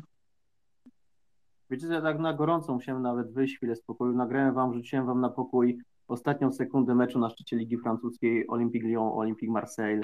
E, to tak e, trochę do Artura. Artur, jak się śmiejesz z Ligi Polskiej, to zobacz, co tam odjebali, e, przepraszam, odwalili w ostatniej sekundzie. Myślę, że w Lyonie jest jedna wielka żałoba. To jest to, totalna padaka. Pięciu zawodników Lyonu, Lyonu dało tak dupy w ostatniej sekundzie, że naprawdę nie mogło się załamać. To taka ciekawostka. Tam na górze pokoju rzuciłem. Okej, okay, dzięki. Ja sobie zaraz zobaczę minutowy filmik. Ja na razie nie będę zamykał pokoju od razu, tak żeby każdy sobie mógł to ściągnąć i obejrzeć. E, powiem Wam jeszcze tak, e, parę informacji. E, oprócz tego, że mówimy o naszej lidze, lidze męskiej, to też warto zauważyć, że mamy już półfinały Ligi Mistrzyń. I nie byłoby to może aż tak bardzo emocjonujące, gdyby nie to, że mamy tam naszą e, zawodniczkę. E, I co najlepsze, ta zawodniczka jeszcze strzela bardzo ładne bramki. A mówimy tutaj o Ewie e, Pajor. Odbyły się półfinały i, przepraszam, i Wolfsburg, w którym gra nasza Ewa, zremisował w dzisiejszym meczu z Arsenalem, jeżeli dobrze pamiętam. Tak jest, z Arsenalem, dokładnie tak. I to jest jedna z par półfinałowych. E, dokładnie za tydzień będzie drugie spotkanie, 1 maja e, i chyba warto oglądać, tak mi się wydaje, bo jakby ja widziałem skrót, i to tak, powiem szczerze, nawet całkiem nieźle wyglądało, bo wcześniej oglądałem naszą kadrę, e, jak graliśmy z Kazachstanem. No to tak się oglądało w sumie fajnie, ale, ale, ale tam jednak nie było to może takie, takie wybitne. A tutaj tak naprawdę ten skrót był tak dobrany, że, że faktycznie tutaj Arsenal z Wolfsburgiem 2-2 e, daje to spore, spory apetyt na e, mecz rewanżowy. E, co jest jeszcze fajniejsze, w drugiej parze mamy e, same tuzy piłkarskie. Mamy Chelsea, mamy Barcelonę e, i w pierwszym z dwóch meczy Barcelona wygrywa 1-0. Tutaj drugie spotkanie tej pary Chelsea-Barcelona będzie 27 kwietnia, czyli za 4 dni. Kamil? Ja no, może trochę wybiegam poza temat piłkarski, ale no, chcę tu nadmienić, że od wczoraj mamy e, mistrza w, e, świata w, w boksie wadze Bridger, to jest limit do 101 kg, także Łukasza Różańskiego e, no, w pierwszej rundzie zdemolował Babicza i, i wygrał to mistrzostwo, także chyba ostatnim mistrzem świata w boksie zawodowym chyba był Głowacki jedynie, jeżeli się nie mylę. Także... A ja, jaka to jest federacja? WBC chyba. WBC. Tak, WBC, dokładnie tak. Pokonał Chorwata e, Alena Babicza przez techniczny knockout w pierwszej rundzie. No to WBC, to dobra, to, to, to jest dobra ta federacja, to fakt. A ja jeszcze, jak Mateusz pozwolisz, jedno pytanie będę miał, bo przeszedł mnie dreszcz. A propos roz... nowego trenera Rakowa. Nie wiecie, co robi Michniewicz? No, ostatnio widzieliśmy go e, w autobusie kadrowiczów, także możliwe, że tam jest e, jakoś zatrudniony, ale no nie, nie, nie, nie. Nie, bo to, za, za, trwoga, to, trwoga. to byłby krok w dół, krok w dół, no jakby nie patrzeć, no z kadry do polskiej Michniewicz się stara, Michniewicz się stara, widziano go i podobno CV pisał do Legii Szkockiej. A tu są no, legendy, że oni są tak skąpi. Nie, nie, nie. Nie, do Legii Szkockiej, nie, nie, nie. Chodzi, że, że był taki artykuł, tam zmianka była, że, że stara się i gdzieś tam był widziany na meczu i tak dalej. Już nie, nie, nie pamiętam jak, o jakim klub chodziło, że o Legię Szkocką, co na wyspy się wybiera. Powiem wam, że Czeka. być może ktoś go, ktoś go może bardziej doceni niż my sami, bo tak naprawdę jakby nie patrzeć, wyszliśmy z grupy i dobrze zagraliśmy z Francuzami w Katarze. Zwycięska ja to... porażka. Zwycięska porażka, dokładnie tak. Ja wam mogę powiedzieć, że tutaj w artykule, który mi się wyświetlił pierwszy na sport, sportfakt.pl, także słabe, słabe źródło, jest podobno zainteresowane jego usługami jest szkockie Aberdeen albo reprezentacja Chile bardzo ciekawe i tutaj też jest coś o, o jakichś e, mocno egzotycznych krajach oprócz Chile. Także mm, nie, nie, ja się nie, nie spodziewam, że on obejmie stanowisko w Polsce. Mi się wydaje, że Michniewicza to bardziej zniszczyła ta afera premiowa i to wcześniejsze 711, i, a, nie, a nie ten toporny styl, bo ze Szwecją fajny mecz był ten wygrany no tutaj o, o Meksyku to wolę nie wspominać, z Arabią Saudyjską no to no, chyba tylko wynik dobry wspominamy, bo też nie był mecz bez polotu. Już nie otwierajmy nowego, nowego kierunku, bo, bo nas północ zostanie. Chciałem Wam jeszcze powiedzieć ostatnią informację, już taką trochę niesportową, mm, ale jeżeli ktoś nie widział, a chciałby zobaczyć, to e, jako ciekawostkę wrzuci sobie w internet start e, statku E, Starship e, Elona Muska. No, ja się takimi rzeczami bardzo, że tak powiem, podniecam i e, naprawdę warto obejrzeć dosłownie, nie wiem, trzyminutowy, dwuminutowy film o tym, jak największa rakieta w historii, ponad 120 metrów, wzbija się w swoim dziewiczym, lotu, w dziewiczym locie na 40 niemal kilometrów i przepięknie eksploduje jakby tutaj jakby droga nasza do Marsa mm, skróciła się dosłownie o jeden malutki kroczek e, wykonany przez naszego tutaj e, szanownego Alona. W każdym razie warto zobaczyć, e, jak szybko to postępuje, bo bardzo dobrze pamiętam, jak projekt Starship się zaczynał i jak na 200 metrów unosiły się latające silosy, które wyglądały wcale nie jak statki kosmiczne. I po dosłownie kilku latach mamy przepiękną rakietę, która e, no już całkiem wysoko leci. Ale to tak... chodziło, chodziło między innymi o to, żeby sprawdzić, bo to było celowe, zaplanowane samozniszczenie, jak to będzie wyglądało i czy wytrzyma właśnie taki, taki, taki gabarytowo, taki moloch i się okazuje, że wytrzymuje, bo to jest y, zapowiedź y, y, powrotu na Księżyc. Nie, to nie jest powrót na Księżyc, ten akurat projekt to jest lot na Marsa. To jest, Ale e, właśnie jest... jest... pierwszy przystanek, y, ja przynajmniej tak wyczytałem, że, że to jest przymiarka, żeby człowiek z powrotem wrócił na Księżyc. Chodziło o Amerykanów, a docelowo to masz rację. Tylko chodziło o to, czy, czy te wszystkie elementy, cała konstrukcja wytrzyma. I tu się okazuje, że wytrzymała żeby dopiero samo zniszczenie, jak to się mówi, no jak to zaplanowane było, przynajmniej tak twierdzą. Zbigniewie, i troszeczkę muszę cię zatrzymać. Generalnie projekt powrotu ludzi na y, Księżyc nazywa się program Artemis i tam leci rakieta SLS. E, trochę inna konstrukcja, również gigantyczna, wielka i ten SLS bardzo długo był produkowany przez, y, mm, tam było taki, takie konsorcjum wielu państw, i ta rakieta e, w końcu po iluś tam latach e, udało jej się wystartować. Ostatnio obleciała nawet Księżyc w bezzałogowej misji testowej. To jest projekt Artemis.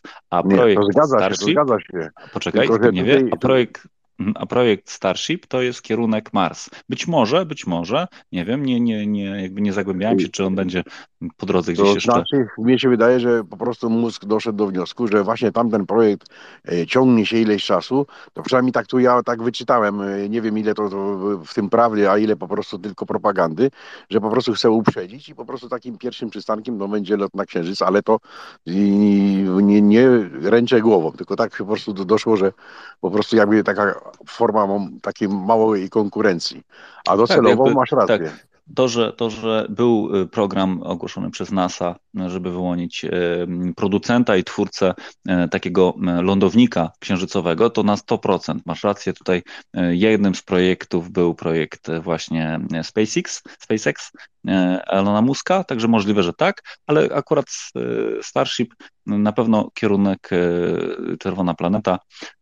To, że, to, że miał być zniszczone, to znaczy na pewno miał nie wylądować, on miał, miał się rozbić w Pacyfiku, ale na pewno jego zniszczenie było dużo za szybkie, dlatego że on jeszcze miał dzielić sobie drugi stopień, drugi stopień jeszcze miał pokonać jakąś wysokość i dopiero później spaść do morza. Także na pewno cały ten, cała, cała ta próba była tylko połowicznie udana. Na pewno masz rację, że jakby ich takim pierwszym założeniem było osiągnięcie tego maksymalnego ciśnienia atmosferycznego, czyli e, takiego momentu, kiedy fizycznie sprawdza się to, co e, wymyślili sobie inżynierowie na, na stole kreślarskim. Także to na pewno tak. Ale przepiękna eksplozja, przepiękny lot. A wi, wi, wi, jednym zdaniem podsumować, jednym zdaniem chciałem podsumować piłkę jeszcze. Nie wiem, czy oglądaliście dzisiaj Barcelonę. 1-0 wygrała z Atletico, to można powiedzieć po Realu, to jest mecz na szczycie. 1-0. No, y, Lewandowski znowu bramki nie szczelił, e, miał setkę, e, pokusił się, mógł podawać, y, ale nie najgorzej zagrał. No, mnie się wydaje, że lata swoje robią i już ten, ten refleks, bo tutaj jeszcze chodzić, wszystko chodzi, ale jakby ta decyzja tego, tego, tego ognia, coś brakuje, no, nie może się przełamać. Robert teraz ma co innego w głowie.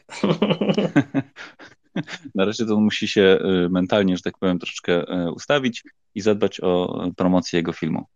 Ale tak czy siak, wracając tak całkiem na serio, to jakby Barcelona ma zagwarantowane, zagwarantowanego mistrza. Także mm, dajmy chłopakowi spokój, nie oczekujmy, żeby wiecznie był e, w 100% przygotowany. Artur, o coś pytałeś?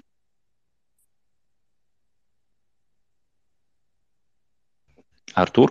A nie, ja tylko chciałem zasugerować może, z, że, że ten lot na Marsa to jest z przesiadką, tak jak przesiadki w Kutnie, to można też na Księżycu, nie? To może o to Elonowi. Ale, ale nie wiem, tak. czy widziałeś odpowiedź, jak Charlie Sheen napisał do Elona. Tak, tak, tak, nawet ci przybijałem tam serduszko tak, pod tą... Dobry jest, jest... Tam Charlie Sheen, tak, ja Charlie Sheen domagał się domagał się niebieskiego znaczka, bo mu go Elon zabrał, ale to, to nie, no to są jakby zagrywki bardzo bogatych ludzi, którzy mają uciechę w, innych rzeczach niż my tutaj na dole, mm, ale fajnie widzieć taką interakcję ludzi, których znamy z ekranów, e, ekranów kinowych. Odpowiedź była, że, że rozumiem twój ból. Tak, rozumiem twój ból, a on mu napisał, że, że, e, że jakby nie cieszy go to, że jego wielka rakieta pięknie wybuchła, ale jest pewny, że zbuduje jeszcze większą rakietę, która jeszcze bardziej ładnie wybuchnie. Także złośliwiec e, i Elon jakby nie został, nie, nie pozostał dłużny. Dobrze, zejdźmy na, zejdźmy na nasze domowe, domowe sprawy. Jutro godzina 21. E, temat sportowe porażki i poczucie własnej wartości. Ja i Ania i będzie dotyczył e, wypowiedzi e, Magdy którą macie przypiętą na górze. Ja mogę zacytować dwa zdania, tak żebyśmy mniej więcej się odnaleźli w tym samym, w tym samym te, jakby, tak, nastroju. E, cytat. Stajemy się tak bardzo samokrytyczni, gdy czujemy palące poczucie porażki. Kiedy tylko coś nie idzie po naszej myśli, jakbyśmy tego chcieli. Pozwalamy, żeby niepowodzenia definiowały nas jako osoby. Nadal czuję, że jestem tym, co reprezentuję na korcie i że nie mogę popełnić błędu, bo moja wartość zależy od tego, jaki osiągnę wynik. To jest jedna e, jakaś malutka część takiej dłuższej wypowiedzi Magdy. Warto przeczytać. To będzie jutro. E, za to we wtorek nasza brygada e, My Polacy, czyli Arkadiusz Olszowy i Tadeusz Krupa, e, zaproszą sobie pana Waldemara Matuszewskiego. To jest założyciel teatru, Mm, o nazwie Teatr na pustej podłodze. Warto czasami poświęcić dwie godzinki na to, żeby posłuchać historii osoby, która jest nie jest polityczna, nie jest sportowa, nie jest na pierwszych stronach gazet, ale jest równie wartościowa. Mhm. Także zapraszamy we wtorek. Nasza brygada, my Polacy. Mm. Wam jak zwykle dziękuję. A, jeszcze jedno słowo. Dziękuję bardzo całym wszystkim zawodnikom, którzy mi tu podpinają piękne rzeczy. Max Fuller napisał, że powinniśmy mówić Brugia, Brugia, po prostu Brugia, Brugia, o tak. Jako polska nazwa geograficzna Brugia. E, Ani, Ani dziękuję za to, że podpięła mi tutaj filmik, jak, e, jak Iga Świątek e, pokazuje, jak, się, jak, jak należy używać Porsche, zjeżdżając z rampy na, na koniec turnieju. Ania mi tu wbiła coś. Bożenka, dziękuję bardzo wszystkim, że tak powiem, serdecznie dziękuję. Mm, ktoś jeszcze coś? Ja, Dobrej nocy wszystkim. a ja bym, Mateusz, po, po, myśl, powinniście pomyśleć, żeby na jutrzejszy program zaprosić Wawrzyniaka i Rasiaka, y, bo to oni, żeby opowiedzieli, jak to jest. Ja zawsze ich, to oczywiście drąc troszeczkę łacha, muszę się przyznać, ale podziwiałem ich za to, że oni jeszcze grali i znosili to wszystko. To jest coś niesamowitego. Wiesz, to być może to byłby dobry, dobry argument e, tego, że nie należy w ogóle się przejmować tym, co ludzie o tobie myślą, tak? Nie, no Rasiak generalnie no, miał swoje chwile chwały. Nie, Tak naprawdę każdy kiedyś osiąga swój szczyt, tak? Mm, Tylko pytanie, Najlepsze czy było to, że on wcale nie był taki zły. No właśnie. Tylko tak naprawdę w naszych oczach był zawsze drewniany i zawsze trzeba było w niego celować, żeby odbić od niego piłkę i być może trafi się nią w bramkę. To jakby skrzywdzące, krzywdzące. I tutaj jak się popatrzy na ilość emocji, którą zawodnicy wnoszą na spotkania, na mecze, na, na treningi, e, ile tych emocji jest w ich życiu z, naszych, z, nas, z, z naszej winy. Z tego, że my mamy oczekiwania. I nawet jak sobie tutaj odpalamy statystyki hurkacza i mówimy, nie, no hurkacz, no nie, no znowu, znowu, ale lipa, co za zawodnik. No, no mówimy o człowieku i, i jakby też warto wiedzieć, co on ma w głowie. Ale o tym jutro, ale o tym jutro. Mm, Wam wszystkim bardzo dziękuję. E, Tematy fajne, powolutku, spokojnie. Zapraszamy Was e, zawsze o 21 i do usłyszenia. Dzięki. Dobranoc.